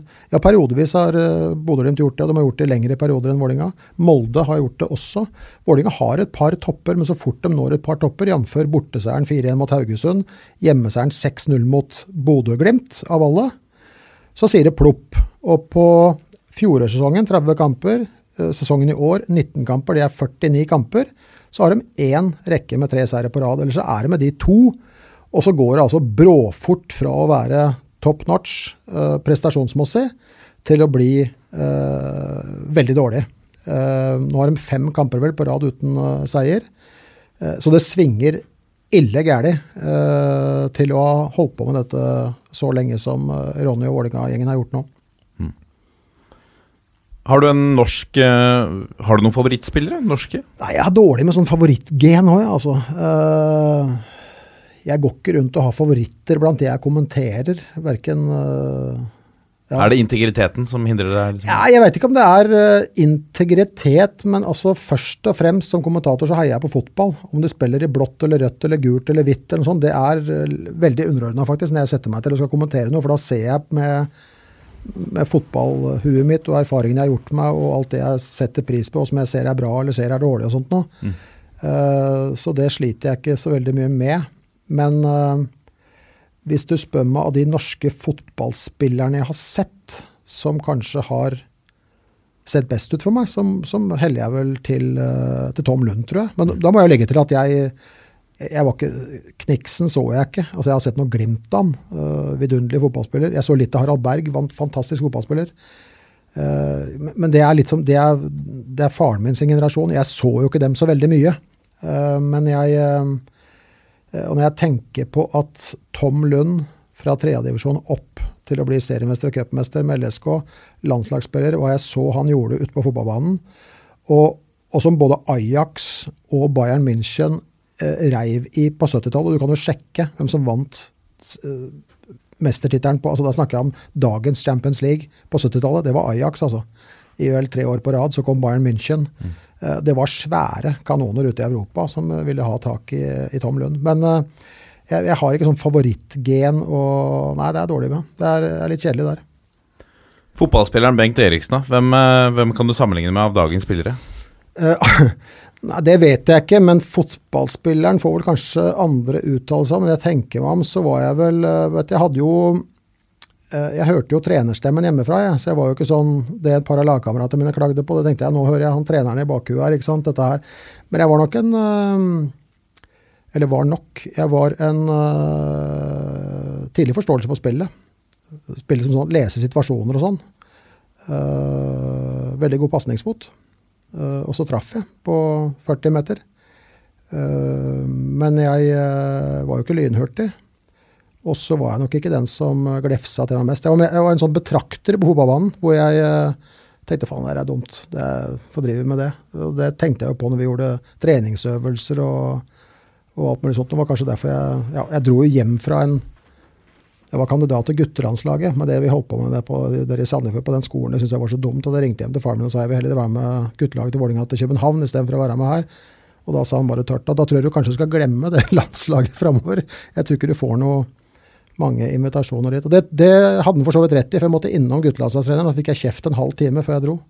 Men øh, en Du trakk deg fra landslaget, altså? Nei, ikke trakk. Jeg trakk meg. Jeg valgte jeg var, Vi var objekter på et, det som er D-trenerkurs på den tiden der, sånn, men jeg eh, Det jeg ikke fikk til å stemme, var at de gangene vi scora, så hadde vi scora på feil måte, og de gangene vi ikke scora, så hadde vi gjort det helt perfekt, og det syns jeg var litt, det var litt snålt i mitt hue. Så jeg hadde, jeg hadde nok noen tidlige tanker om hvordan fotball burde være, og kanskje var eh, Ja. På en eller annen måte blitt motivert av dårlige trenere? Ja, ikke motivert, men nå var jo, øh, nå var jo faren min en veldig flink trener, og jeg var jo med han overalt. Så på den tiden hvor han var aktiv, så var det ikke så veldig mange å, å matche han med. Altså, jeg må innrømme det. Skulle han sett deg, eh, helst sett deg tilbake i, i manesjen, da?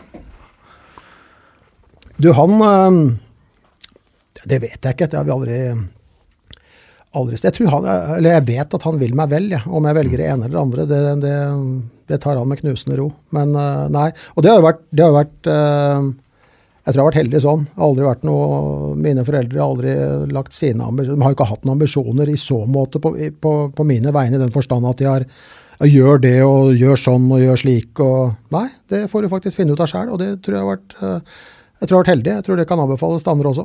Det, det går på et vis. Hvis den som skal utføre dette her, har, øh, har øh, vilje og drive og lyst sjæl, og det kommer alltid først. For du får ikke du får ikke noen til å gå på trening hver eneste dag eller holde på med dette her hvis de ikke vil. Eh, og har du vondt i vilja di, så hjelper det ikke om noen sitter og maser på deg som foreldre eller eh, venner eller et eller annet sånt noe. Det, det går ikke. Du takka nei til Vålerenga i 2008, skrev VG. Eller VG skrev vel at du var klar. VG vet at, uh, at Bengt Eriksen blir ny sportsdirektør, men Ja, det ble du ikke. nei, det ble, Truls Håkonsen ble vel det. Ja, men jeg har sett at uh, VG har skrevet det. Uh, det sånne ting kommenterer jeg aldri. Jeg kan, det, det er såpass lenge siden at ja, vi snakka om det. Nå blei det ikke sånn den gangen der, og det er ingen å bebreide. Det er ingen Det er ikke noe, var ikke noe vondt blod eller noe, men, men det, skal, det, det skal funke, da. Altså det, utgangspunktet må være godt. Det er, jeg håper å si, det er mitt utgangspunkt. Eh, og hvis ikke det er helt eh, på stell for begge parter, så skal man egentlig bare vente litt med det. Men, eh, men det har jeg gjort, det har jeg jo tenkt på noen ganger. Og jeg, og jeg er fortsatt ikke jobbsøker. Men, men jeg har jo tenkt på det hvis, hvis det er ett naturlig sted for meg å skulle ha jobba, så må jo være i den klubben jeg vokste opp i. Jeg er utdanna økonom, jeg er utdanna fotballtrener, jeg har spilt der. Faren min har trent der. Jeg, jeg, jeg er ektefødt, eh, en ektefødt Vålerenga-gutt. Eh, men, eh, men det har ikke vært sånn til nå. Spennende å se, da. Det er hva, hva fremtiden bringer. Um, jeg har bedt deg om å sette opp din fire norske fotballstjerners uh, middag. Ja. Uh, for det første er jeg glad i å lage mat. Ja. Uh, Ja, du nevnte noe, noe matinteresse. nei, du spurte meg, du, du sa det var et eller annet på Twitter, så sier jeg på Twitter, så jeg er jo bare, jeg bare er der. Jeg er jo ikke veldig uh, aktiv der, men, men jeg følger vel uh, kanskje vel så mange matfolk på Twitter som jeg følger uh, fotballfolk. Jeg, Mat er medisin, mat er viktig. Mat skal være godt, mat skal være sunt, det skal være, og det skal lages. Men jeg, da du spurte da jeg så det spørsmålet, så tenkte jeg dem, Det blir jo tre pluss meg, da, ikke sant? Mm. Eh, så tenkte jeg at jeg skulle invitert eh, Tom Lund. Og så skulle jeg invitert Ståle Solbakken. Og så skulle jeg invitert min far. Og så skulle vi snakka om fortid, nåtid og fremtid. Tom Lund fordi at øh, han var en dritgod fotballspiller øh, og en god fotballtrener, men som ga seg tidlig som trener. Men som jeg aldri har snakka noe særlig med. Jeg har hilst på han øh, og veksla et par ord med han i forbifarten. Men som jeg syns kunne vært interessant å snakke med. Ståle Solbakken, fordi at han er den som er tettest på i FC København. Nå med et Ja, vært i, Champions League-gruppespill og har dette tett på seg nå og som kanskje kunne vært en god, eller som er en god representant for det som skjer nå, de utfordringene som er nå, som ikke min far møtte, og som ikke Tom Lund møtte. Eh, det skulle blitt en interessant eh, og fin eh, samtale. Enda jeg har snakka veldig mye fotball med faren min, så ville jeg gjort det litt til, for det syns jeg Ja, det, det er alltid interessant. Og så skulle jeg jeg tror faktisk dette er en grådig gjeng, skjønt jeg er litt tvil om Ståle, for Ståle spiser bare for å overleve. Han er ikke noe sånn jeg, tror, jeg tror ikke han renner ned restauranten i København, også fordi han er veldig ivrig som trener, så han bryr seg mye om det, og takk og pris for det, det er jo jobben hans. Men øh, jeg lager en øh, veldig god bolognese. øh, men jeg tror faktisk vi både skulle hatt bolognese, og så skulle jeg hatt de ordene som ingen kan uttale, nesten. Eh, og da skulle vi hatt entrecôte, Ja. bearnés og pommes frites. Eh, Og da lager vi selvfølgelig bearnésen og pommes fritesen. Så da blir det bolognese. Det er ikke noe enkel, eh, enkel oppgave. Det er ikke så veldig vanskeligere, men du må, det er som i fotball, da, du må gidde. Eh, så må du, ja, du må sette av litt tid. Det er ikke, du får jo ikke gjort dette her på et kvarter. Men da må du planlegge litt, da. Det, det er mye av det. trenergjerningen nå, faktisk. Eller kommentatorjobben. Du må planlegge og forberede deg litt. Dessert, da? Dessert det bryr vi oss ikke noe særlig om, så da måtte det blitt noe Jeg, er, jeg spiser heller øh, gjerne forrett og hovedrett, og ikke, ikke dessert. Men gutta skulle fått dessert hvis de ville hatt det, altså, men da, da tror jeg faktisk det ville blitt uh, norske jordbær. Rett og slett. Jeg tror det hadde blitt fint. Ja. Dette er toppfotball. Og så har vi fått inn en rekke lyttespørsmål med litt ulike temaer. ja, det får jeg si. Det spriker litt. Eh, Theo uh, har lagt ved et bilde av Erik Espeseth og en annen uh, kar som satt på tribunen da Vålerenga tapte 4-0 i Bodø. Og de smiler og tuller litt når kameraet får, får øye på de. Det har jo selvsagt ikke, ikke falt i god jord hos supportere på, på Twitter bl.a. Hva tenkte du? Så du dette, Bengt? Ja da, jeg satt og så på kampen, og så tenkte jeg da kameraet sveiva forbi dem og fikk se seg selv på storskjermen, så tenkte jeg at dette er to fjols på tur. Eh, kom veldig dårlig ut av det også, men så er jeg jo vel vitende om at kameraer fanger opp mye som eh, kanskje ikke setter deg i det beste lyset. Men her er det jo gutta sjæl som gjør noe aktivt for at eh, de ser seg sjæl på storskjerm. Ser unektelig litt fjollete ut. Jeg må, jeg må innrømme at jeg det, ja, det så- dumt ut. Ja, for skal legges til at På dette tidspunktet så leda Bodø-Glimt bare 1-0, men, men det var vel ikke altså, Det er ikke eh, Folk reagerer vel på at det, Ja, var, det er ikke vært- lystig å følge Vålerenga. Hadde det vært to tolvåringer som hadde sett seg selv på TV-en, så hadde jeg jo skjønt det. Men eh, de, de her, uh, Espeseth og kompisen eller, jeg, jeg kjenner faktisk ikke igjen han ene der, eller jeg vet ikke hvem det er. Nei. Ikke på bildet. Så, så er vel ikke det Det er vel ikke første gangen. Men uh, uh, hvis de hadde glede av det, så fikk de jo uh, vilja si. Men eh, det kom dårlig ut. Ja. Vi går videre til Benjamin Sears, som lurer på hvor stort var det å bli årets Oslo-borger Ja. Det er uh, en av de tingene jeg uh, aldri snakker om. Uh, det, det jeg kan si, er at jeg Det var en forferdelig trist Det var jævlig trist sak. Det er trist fortsatt, men en god kompis som mista datteren sin. Vi leita lenge. Men det var Det var veldig rart. Men jeg er nå da jeg er ansiktet på venners og frivilliges innsats, øh, og, og jeg syns for så vidt det er fint at uh, Aftenpostens lesere har satt pris på det. Uh, men for øvrig skulle jeg jo ønske at det ikke ble noe av det hele tatt. Det er jo nesten så jeg begynner å grine bare jeg tenker på det. Det er, det er bare ræva og trist, så jeg tror jeg har sagt Det var, det var jo ikke noe pris for noe uh, Nei, jeg tror vi får, får gå videre. Jeg syns det er bare leit. La oss ta et spørsmål fra Bonaventura, som uh, lurer på om du kan gjøre et nytt forsøk på å forklare hvorfor Berisha ikke skulle hatt straffe på Aker stadion. Han uh, trenger en ny, god latter. Ja, Vittiper der. Uh, Bonaventura, er det fornavn etternavn? Uvisst. Eh, ja, nei, men det er mulig vi ikke kom så langt. Poenget er at Berisha fikk etter mitt skjønn en fair sjanse til å score etter at han var, uh, var forsøkt felt. Eh, jeg sa at jeg syns det er fint at Berisha holder seg på beina. Felt har vi et veldig rart forhold til. Mm. Felt blir du hvis du ikke klarer å stå lenger. Altså du, du faller mot din vilje. Det er jo det stikk motsatte vi ser på en, i en masse fotballkamper, både i Norge og ellers. Folk rammer det jo, Uh, hjelper til osv. Det er jo ikke å bli felt. Jeg tror ikke et tre har en vilje, men det er nå bygd sammen sånn at det står til det ikke klarer å stå lenger. Og I så måte syns jeg det er uh, forbilledlig av Berisha å forsøke å fullføre. Og han får også en fair sjanse til å score. Så jeg syns det var en, eh, en dommeravgjørelse som, eh, som dommeren kan stå inne for. For jeg tror Berisha hadde fått den muligheten ti ganger, så hadde han skåra flere enn han ikke hadde skåra på. Ja. Og sånn sett sjansen større for å score på den enn på straffe? Det skal jeg ikke si. Eh, Men, men hvis vi bare skal hjelpe til, altså da, er, da er vi inne på et, eh, et, et, en, en eh, begrepsdefinisjon av felt som jeg ikke kjenner meg igjen i. Felt blir jeg hvis jeg Det er kontakt, sier folk. Ja, jeg er i kontakt. Borti folk til og med på T-banen, ja, men de står da vel oppreist. De ramler jo ikke av den grunn. Nei. Lasse Så kan Bonaventura bare le, han. Ja. Han ler sikkert ennå. Lasse Augensen spør rett og slett Kan du bli sportsdirektør i Vålerenga. Ja, du, Det er eh, neste spørsmål. Du må gå til andre. Men det, det spørsmålet kan jo være tvetydig. Kan du bli? Altså, eh, om jeg kan være det, i den forstand at jeg tror jeg klarer det, så, er, eh, så, så tror jeg det. Men det er jo ikke jeg som uh, verken ansetter eller avsetter folk i Vålinga, som, eh, som eh, Lasse Haugensen veit. Arvid eh, Vasskog uh, lurer på en sak som vi også har snakket om i dette studio. Kan, uh, kan vi spørre deg hvorfor tre-fire norske kommentatorer, inkludert han, sier én Ødegård, én Eikrem, én Søderlund?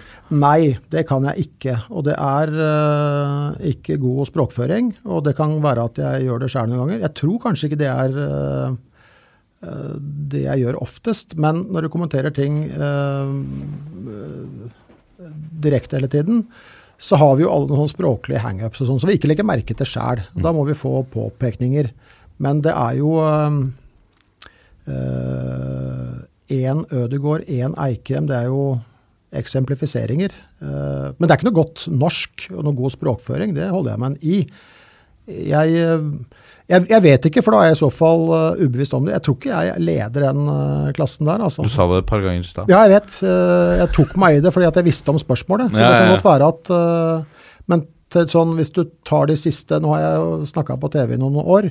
Jeg tror ikke det er det mest fremtredende ved meg. Det tror jeg ikke. Men eh, skulle det så være, så er det et eller annet sånn språkhangup som, eh, som er litt ubevisst. Og det har vi jo alle sammen. Det er bare det at eh, noen av oss får dette kringkasta stadig vekk.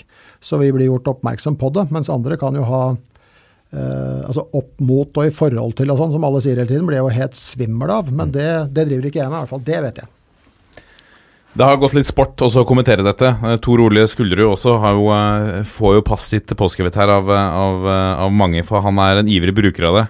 Ja, Det kan godt være, men det, det, det minner meg om en ting. for at vi, vi hadde en sånn kjempe storskjerm i, da vi hadde lokaler på Ullevål stadion, eh, hvor vi skulle stå og forklare situasjoner og sånn, en sånn analyseskjerm. Uh, og vi kom jo selvfølgelig i skade for å trykke på feil knapp eller et eller annet sånt. Og han som instruerte oss, han sier jo at tenk det, sier han. Dette driver, med folk, det driver folk med hver eneste dag og gjør feil på mobiltelefonen sin. Det er bare at dere gjør ikke noe flere feil enn vanlige folk gjør til daglig. Sender tekstmeldinger til feil person eller skriver gærent eller et eller annet. nå. Det er bare at vi ser det dere gjør. Mm. Det er jo ikke verre enn det. Men uh, det er vel uh, error curse, som han også sa. Det er bare å gå videre. Men, uh, men det er jo Essensen her er at vi som da har språk som verktøy, meg sjæl inkludert, som har sosiolekt, derav sjæl, eh, vi, må jo være språkbevisste. Så må vi kunne litt om eh, hvordan vi fremfører dette her eh, ut. Det er, det er opplagt. Ja, for En ting er å sitte inne med den kunnskapen, du skal på en måte formidle dette på en god måte òg. Har du brukt mye tid på, på den biten der? Går dere Nei, til det har jeg ikke eh, gjort. Men jeg er jo, jeg er jo vokst opp med vålerengelsk og, og historiefortellinger, og, og øh, alle i Vålerenga er jo best i muntlig. Men eh, nei, jeg, jo, jeg har jo vært språkinteressert. Jeg har faktisk bidratt til to norskbøker. Ja. Nesten alt du trenger å vite om norsk, er den ene. Eh, og eh, hva heter den andre, da? Ja, Det husker jeg ikke. Men jeg er jo eh, jeg er opptatt av språk. Men, men akkurat der og da eh, så kan det jo gå litt i ball. Du skal både ha god språkføring, du skal leve deg inn i kampen. Du sitter, du er til stede. eh, ligger ikke hjemme i sofaen og spiser skistuls og drikker cola eller et eller annet. Du er, har et litt annet blikk. Det er ikke noe unnskyldning, det er bare en forklaring på at vi har, vi er, det er forskjellige tilstander. Men vi skal, uh, vi skal uh, være gode i, uh, i språkføring. Det er, min, eh, det, er, det er mitt mål og min mening. Button Wood har et eh, litt lengre spørsmål. Han eh, trekker fram et, eh, et minne han har fra en debatt ledet av Paul T. Jørgensen for 15 år siden, hvor du var en høylytt kritiker av flere av prinsippene ved Drillo-fotballen. Han husker, eh, han husker at du sa at det var for energikrevende, og lurer på hva tenker du i dag når du ser Simione, Klopp, Pep, Pochettino og Conte-fotball? Jeg tenker at øh, nå trekker han ut ett øh, element av Det var jo flere deler av uh, Drillo-fotballen jeg ikke var noe glad i, og ikke øh, er noe glad i, for dem som praktiserer det. Jeg syns jo først og fremst uh, mangel på, på ja, altså utvikle angrepsspillet. Men uh, krevende, ja, fordi det vi diskuterte Jeg er ikke engang sikker på om det var Pål T. Jørgensen, men det er av underordna betydning her. Eh, Det er jo at eh, det skulle være kontring på kontring på kontring, eh, og det er ganske slitsomt. Da blir det håndballrush i, i 90 minutter på en svær fotballbane. Det har kommet ganske mye lenger. Det er mye Fysikken har eh, tatt, noen, eh, tatt noen gode steg der, altså, så jeg ser jo at det har gått fortere. Det eneste jeg ikke skjønner, er at han blander Pep Guardiola Jeg går for at det er Pep Guardiola, for eh, hvis han blander Conte og Pep og Simione, da henger jeg ikke helt med. Uh, Pep Guardiolas lag uh, har ballen ganske mye. Det er ikke tut og kjør hele tida der. Men det er blitt mer fysisk, og det er flere kontringer på kontringer nå enn det var uh, for 10-15-20 år siden. Så, så mm, det har eh, tatt noen eh, kvantesprang. Så hvis Button Wood har eh, lyst til å klore meg litt på ryggen, så må jeg bare si at jeg kjenner jo det nå. Men, jo, men igjen, drill og fotball som sådan, det, det innbefatter jo flere ting enn bare kontring på kontring. Øyvind Herrebrøen, toppfotballvenn og en av Akersgatas trofaste, lurer på topp fem av mest absurde kallenavn på folk i Vålerenga. Ja, absurde veit jeg ikke om det er så mange av. Jeg har ikke gjort meg noen men, eh, Du bare- nevnte bakeren i stad. Bakeren var massøren vår, og fordi han knadde muskler, så er det jo en baker som knar deiger, så han blei jo hetende Bakeren, Jonny Knutsen. Um, eh, mureren eh, Men det er, jo det er jo veldig mange Mureren som, eh, eh, som da het Erling Knutsen, han var jo med og satt jo i kassasnekker i Vålerengata 29 og stifta klubben uh, i sin tid. Men Tippen vet jo ikke Henry Johansen, som sto på bronselaget i mål, han veit jo ikke hvorfor han ble kalt Tippen. Tuben, småguttreneren til faren min, han hadde jo to brødre. Det var jo Tuben, Rangeren og Lørja. Brødrene Sørensen. Tuben var, var Birger. Eh, Jeg, jeg vet ikke hvor Tuben kommer fra. Eh, Bamse var jeg i 90-årslag til nå. Bjarne Hansen. Altså Bamse så jo ikke ut som noe bamse. Han var jo sterk, men han så ikke sånn eh, stor ut. Fridtjof Klem, Petter Klemperen. Men Bonden er vel kanskje en av de kjente. da, altså Sto i mål på Vålerenga-laget i eh, 65, hvor han vant seriemesterskap. Helge Sørli. Det var jo fordi han kom jo fra bondelandet og flytta inn til Oslo. Kampen Vålerenga. Eh, det, det kanskje rareste er vel uh, faren til sjampo, altså såpa, som var, var, drev barbersalong på, på Galgeberg. Og så får du såpa, sjampo og balsam, som da er sønn til, eh, til eh, sjampo igjen. Hengeren er jo kjent her i Hellerud, fordi han så med hoftefest, jeg veit ikke jeg. Uh, Makkeren Leif Antonsen, som dreiv Vålerenga en periode, Kvikk Ryddekompani og, og dette her. Tomat-Jørgen, som da var formann mens jeg holdt på. Tor Jørgensen, som drev, var, var uh, groserer på Økerntorvet, solgte frukt og grønt. Eh, Sleiperen, eh, Roy Jansen, som mest kjent som hockeyspiller, selvfølgelig. Eh, det er jo desidert den beste hockeyspilleren som aldri fikk gullpucken. Men uh, Sleiperen var vel murer. Jeg vet ikke hvorfor han ble kalt Sleiperen, men, uh, han, men poenget er at vi blander fotball, er jo fordi at Sleip ble vel junior-norgesmester på Vålerenga i 1968, hvis jeg ikke husker feil. Uh, sammen med bl.a. Viggo Johansen i NRK i mange år. Men det er mange, mange klengenavn, og jeg tror ikke eh, mange av de jeg snakker med, jeg tror ikke de helt veit opprinnelsen sjøl. Altså. Men det var ikke akkurat noe topp fem til Øyvind Herrebråden, men eh, Det, det var nok vanligere før, og det er jo mange, mange flere av disse kallenavnene. Ja, for, det, ja det, for, vi hører jo ikke så mange av de ved det kaliberet der nå. Nei, og jeg, eh, jeg kjente vel ikke Valdemar Gråteren, men, men bare på utsagn kan jeg tenke meg at det var kanskje ikke noe munter eh, Det var vel ikke bare muntre historier. eh, Valdemar Gråteren, hva slags type Pøl, var det? da? pølse, nei, vet ikke, pølsemakeren var jo med i hockeyen i mange år. Jeg tror ikke han var pølsemaker, men pølsemakeren er jo, det er jo bare én pølsemaker i Vålerenga. men jeg tror ikke det var så mye pølser ute og gikk der.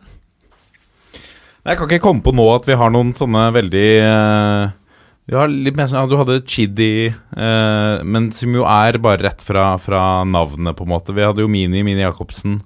Men du, men du har liksom ikke de variantene som du er inne på her, da? Nei, men dette er jo eh, Folk vokste opp på, på Vålinga. Hvorfor bydelspoeten på Vålinga ble kalt for Kyteren, det vet jeg jo heller ikke. Men eh, sånn var det nå. Det er, eh, jeg er jo vokst opp med, med masse av disse navnene, men jeg bryr meg jo ikke med å eh, eller om å, å tenke over hvorfor, eh, hvorfor heter den, hvorfor kaller vi den Pippi? Hvorfor, hvorfor Rune Selskapsmat er mer innlysende, for Rune Selskapsmat drev jo med, drev med selskapsmat. Mm. Men mange av disse her, det er kanskje fra barndommen, og, my, og mye mer vanlig sannsynligvis da de vokste opp på, på 60-tallet eller 50-tallet, hva det nå var for noe. Eidsvoll Turn lurer på om, eh, om du kan fortelle litt om tida i turen med faren din som trener, og ikke minst mesterens mange gode meldinger, som den borte mot Åssiden. Ja, og den borte mot Åssida er For det første er tiden i Eidsvollturen helt fantastisk. Jeg fortalte om Nesta, hvor og vi kjørte opp og bodde på Råholt. Han var jo tannlege på Råholt skole, Terje Jensen, venstrevingen. Um, eh, for øvrig faren til Heine Jensen, som spilte for HamKam Ja. seinere. Um, men eh, jeg har fått Jeg fikk en historie om min far som jeg syns er ganske morsom, men jeg fikk den av Dag Vestlund. Mm. Og Dag Vestlund hadde fått den av Erling Hogstad. De hadde damelandslaget sammen i sin tid. Jeg har aldri hørt den fra faren min, eh, men eh, Erling Hogstad og Are Hogstad. Er det Are Are er sønn til Erling, ja. Erling, ja. ja. Mm. Erling spilte høyrebekk eller venstrebekk på, på Eidsvoll Turnlaget da faren min trente dem. Eh, Erling hadde jo damelandslaget sammen med, med Dag Vestlund. Mm. Han hadde fortalt den historien. Det var en, det var en kamp mot Åsia, eh, hvor Åsia trengte poeng for ikke å rykke ned. Eidsvoll-turen hadde berga, berga seg. Jeg tror det var, det var siste serierunde, tenker jeg. Og Åsia-keeperen han var visst uh, litt sleivkjefta, litt avtalt, så han sto og slengte dritt på disse Eidsvoll-turnspillerne hele tiden. Og det, det begynte far min å mislike ganske sterkt. Han var da spillende trener for Eidsvoll Turn. Og skøyt ganske hardt. Han han ble faktisk eh, toppskårer i eh, vår øverste divisjon første året i 1963.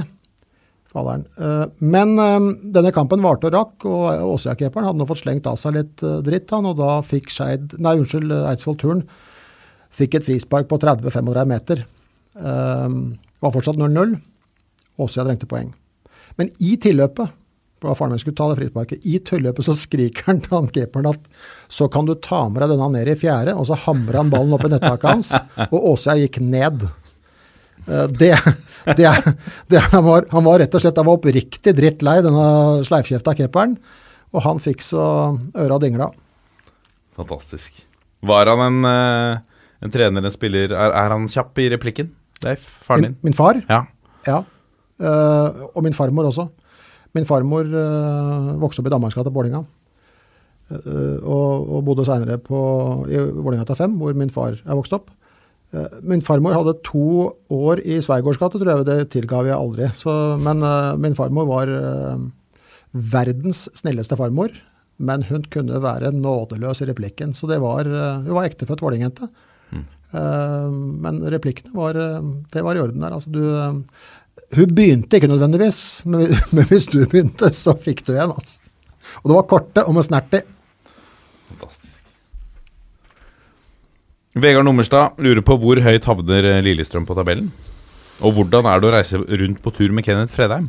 Eh, Du, det til det siste, det er en eh, fryd. Kenneth er en uh, god mann. Uh, flink fotballkommentator og interessant å diskutere og snakke med om alt fra mat, politikk, alt mulig. Nå er det snart valg, og Kenneth han hadde en, hadde en kommentar til meg i fjor høst og mente at jeg var en verdikonservativ sosialist. Så jeg skrudde på den valgdebatten og så hvor det passa inn i krammet her, men det måtte jeg bare gi opp, altså, for det, det må finne seg en annen form på dette debattgreiene. Det er jo bare rør når jeg hører dem skravle. skravler. Men nok om det. Eh, Kenneth er en god mann, liker godt å, å farte med han og kommentere menn. Eh, hvor havner høyt, eller hvor høyt havner LSK på tabellen?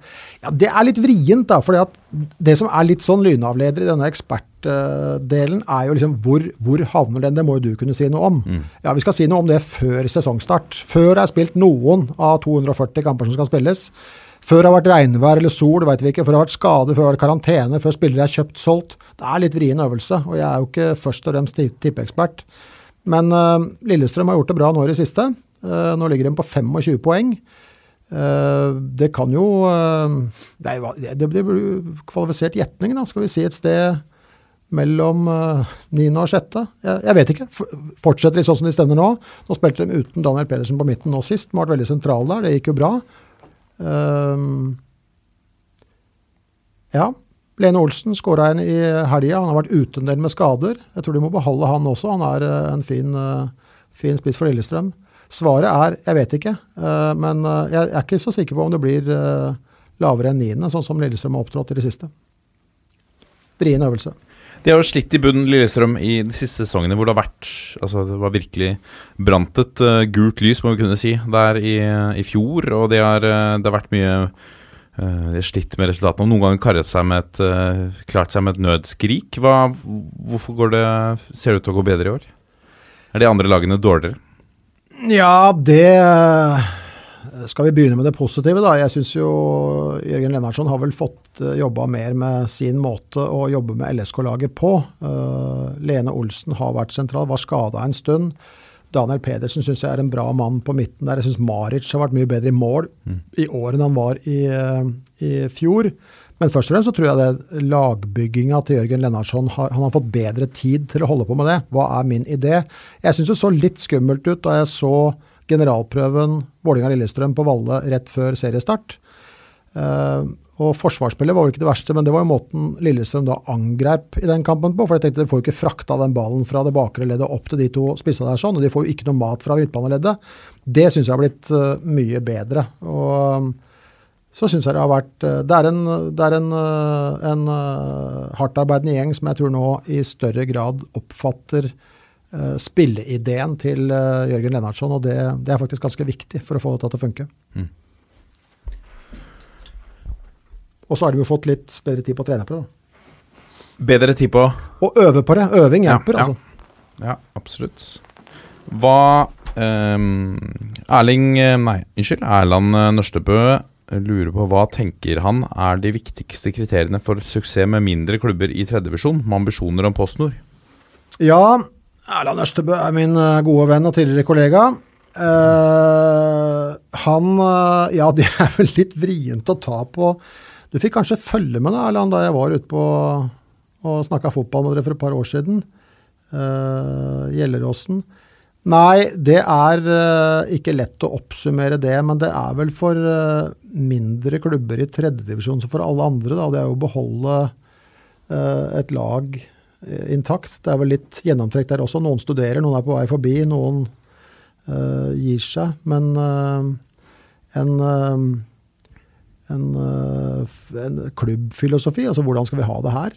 Eh, Det tror jeg er viktig, og så får de eh, si ha det bra til dem som ikke vil være med på måten vi skal ha det her på. En eh, trener som har en klar tanke om hvordan de skal spille, og hvordan de skal stable opp dette laget. Jeg vet ikke, Det blir vel liksom kortversjonen, da. Men vi får, jeg får reise ut dit igjen og så ta en ny prat og prøve å forklare litt mer. Jeg har jo ikke sett uh, laget på en stund, men uh, det er ikke så mange hemmeligheter, altså. Du må igjen eh, øve på de riktige tinga, og de riktige tinga ett sted behøver ikke være de riktige tinga et annet sted. Hva er det du rår over her? Hvilke, hvilke spillemateriell har du? Hvilke, hvilke ja, ressurser har du for øvrig? Og, og hvilke har du ikke, så du ikke bryr deg for mye om det du, eh, det du ikke har, men som kanskje Rosenborg eller Bodø-Glimt eller Molde har, så skal du herme etter dem. Det er ikke så lett heller. Ser du mye av det? Herming? Ja. Ja, det er jo en del av Da jeg kom opp i Asdalen til Vålerenga 83, så husk på at Vålerenga vant jo både 83 og 84-serien. med- Da hadde vi Gunnar Bengtsson som, eh, som trener. Og da kom jo folk fra andre steder i landet og lurte på hvordan vi, hvordan vi trente, hvordan Gunnar Bengtsson tenkte, og så skulle du jo gjøre det i den klubben de var da. Blant annet så var jo Faaberg-treneren innom på den tiden, husker jeg, ganske mye. Men det han må også spørre seg om, er eh, har jeg Vidar Davidsen og Stein Gran på midten? Har jeg Tore Nilsen og Egil Snepper'n Johansen på kantene? Har jeg Pål Jacobsen som spiss? Uh, har jeg Trond Sollid som midtstopper? Har jeg Tomar. Jacobsen i mål? Nei, kanskje ikke. Eh, så, så du må gjøre noen du, du, må gjerne lære av de som til enhver tid er best. Og For ikke å snakke om Rosenborg under Nils Arne Eggen-tiden, hvor alle skulle opp dit og se, og så skulle alle spille 4-3-3, for det gjorde jo dem. Ja vel. Eh, de indreløperne til Rosenborg, hvordan så dem ut? Ja, det var Øyvind Leonardsen, det var Harald Berg det, Nei, unnskyld, Ørjan Berg, det var Runar Berg. Det var Roar Strand, det var harabikkjer. De løp opp og ned hele tida. Du hadde Kalle Løken på den ene kanten, du hadde Mini på den andre.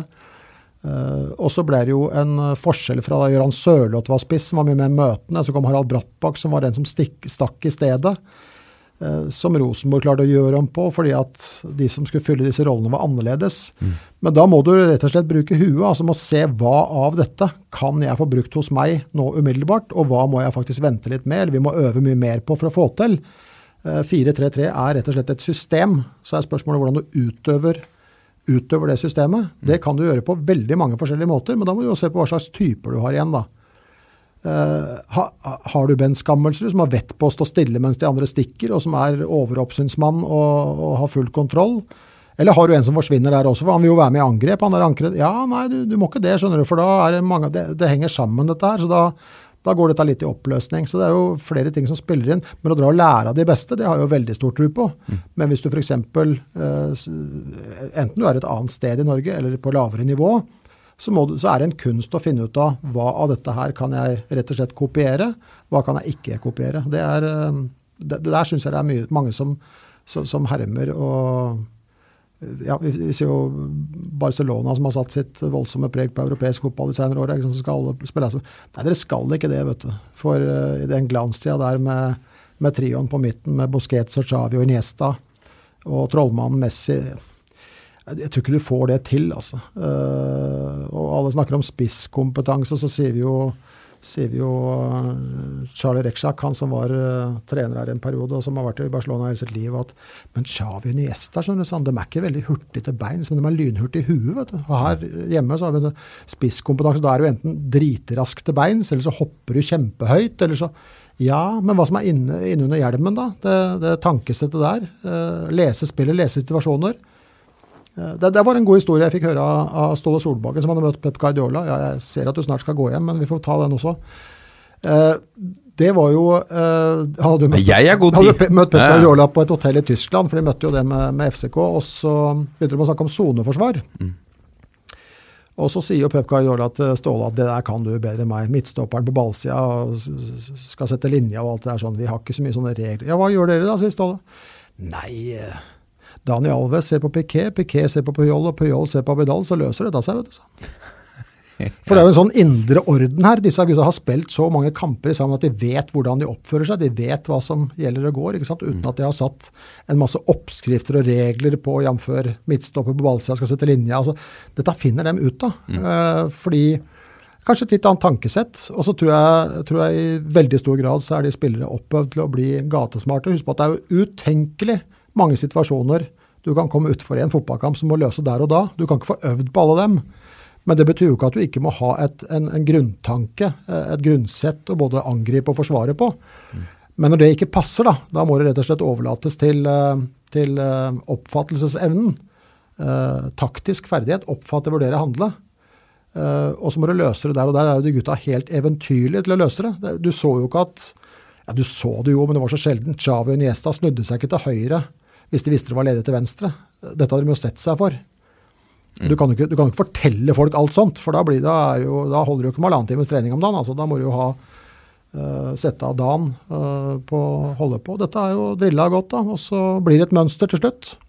Og så blir det en kultur. Og det funker. I hvert fall funka i, i, eh, i Barcelona. Mm. Det vil kunne si.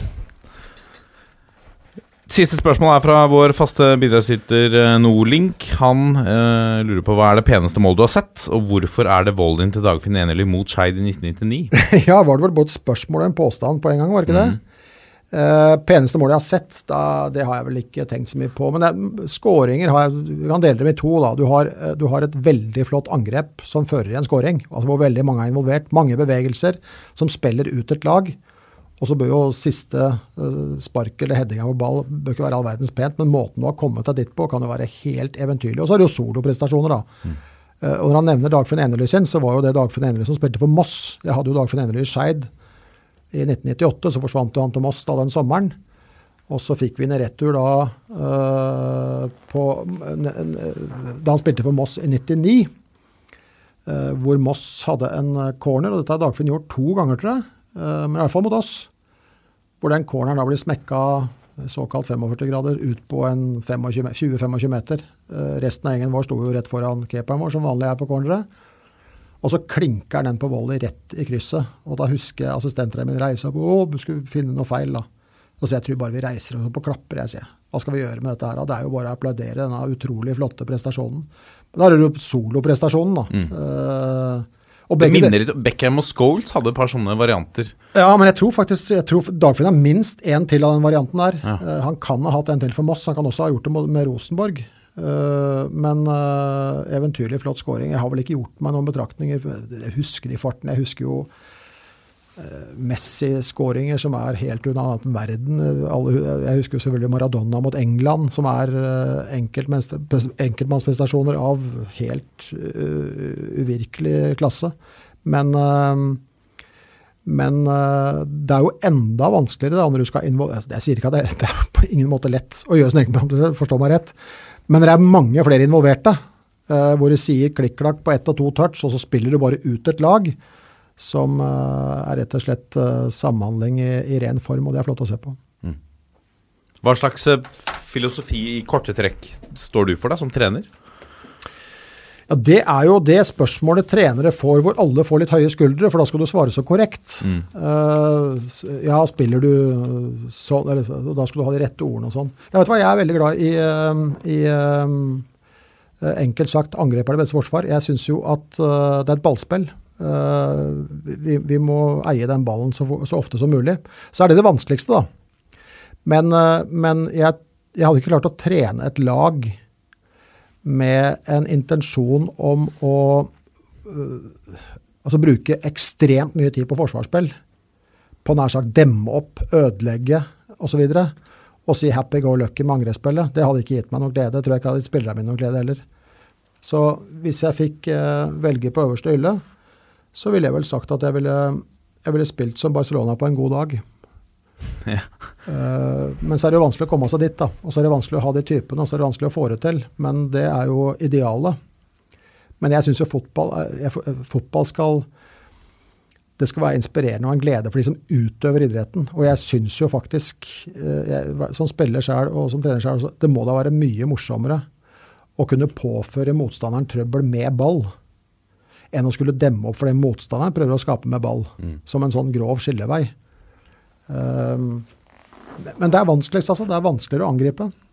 Så sier jeg ikke at det er lett å forsvare seg, og det er en halvdel av jobben, men grunnideen er jo faktisk å skåre mål. Så er det dem som mener at grunnideen er å hindre at motstanderen skårer mål. Ja, jeg hører til i den første kategorien, altså. Jeg vil helst skåre mål, og så mange som mulig. Og jeg vil at folk som sitter på tribunen skal synes at det er en glede å se på det laget jeg trener. Så er det jo vanskelig å bestrebe seg å komme dit, da. Men, men, men folk går jo ikke på, på fotballkamp for å I hvert fall jeg, jeg, ikke, jeg klarer ikke å få opp den tanken. Å se på et uh, kjipt lag som skal uh, uh, trenere, ødelegge Nei, jeg, et fotballag skal skape. Det skal skape, det skal skape noe angrepsspillet som fører til mål. Det skal skape underholdning. Det skal skape glede. Det er det fotball er til for for meg. Så kan du plassere meg i den kategorien du bare vil, om eh, det nå er gjennombruddshissig eller ballbesittende. Hva er det for en diskusjon? Vi kan jo ikke ha det ene eller det andre. Det er jo blandingsforholdet her sånn som er viktig. Eh, og så må du gripe de øyeblikkene som er. For nå, og bare nå, er det mulig å kontre, og da gjør vi det skikkelig. Nå kan du ikke kontre. Nå må du spille ut et lag som har etablert seg i forsvar. Og det å kunne oppøve eh, fotballspilleres evne til å lese de ulike situasjonene i spillet, er jo det som er vanskelig. Eh, for det er vanskelig. Det er vanskelig å trene fotballag. Det hender det er litt vanskelig å spille, men vi må ikke gjøre det for vanskelig. Vi, vi, vi må ikke overkomplisere ting. Eh, det Nei, det det, det går ikke. Og så må vi jo lære folk å noe så enkelt som å ta seg forbi én til én. Du må faktisk ta deg det ubehaget med å øve på det òg. Det er jo vanskelig, det òg, men det må øves på. Ikke én gang. Så må du bevisstgjøre folk, selvfølgelig. Mange, Nå snakka vi om språk her i stad. Mange er jo ikke klar over at eh, at eh, Jeg hadde jo en kjempegod kantspiller i, i Drøbak-flagg, Sverre Huseby. Men Sverre Huseby spilte på venstrekant og hadde høyre bein. Selvfølgelig er det jo naturlig at han gjerne vil inn på banen og få skutt med det høyre beinet sitt. Men jeg måtte jo si til ham at Sverre, hvis du kan gå utover to-tre ganger, så begynner jo han sidebekken å lure på hvor du skal den tredje og fjerde gangen. Og går du innover hver gang, så har du gjort det ganske enkelt for han. Og da får du det enda verre med å få brukt det høyrebeinet ditt. For ikke bare skal du forbi han som har lest hvor du skal, men du kommer til masse andre som står i veien fra også, men utover er du ikke en kjeft. Og da får du øve litt på det venstre beinet, da. Og det syns jo noen er ubehagelig. Ja, men vi driver jo ikke med vi driver jo ikke med ting, vi driver jo ikke med fotball bare for at alt skal være enkelt og behagelig og alt mulig. Og for å si som en god venn Johan Kaggestad, hvis du skal bli god til å løpe maraton, så må du løpe jævlig langt jævlig ofte. Du kan ikke google deg til det, altså. Ja, Det er et ganske godt, uh, godt poeng, ja. Uh, Bengt Eriksen, dette har vært uh, veldig, veldig fint og veldig interessant. Takk det samme. Varmt har det vært her òg. Ja, det, det er- begynner å Det det koker her inne. Det er bra temperatur. Ja, ja, da tenker vi på at det er litt Ja, det er litt hette. Ja. Vi er eh, Toppfotball på Facebook, Twitter og Instagram. Gå gjerne inn og legg ned en rating også. Da blir vi veldig fornøyd. Og så eh, er vi tilbake neste uke. Eh, Så må jeg avslutte på sedvanligvis på 1, 2, 3. Vi er en gjeng. Ha det!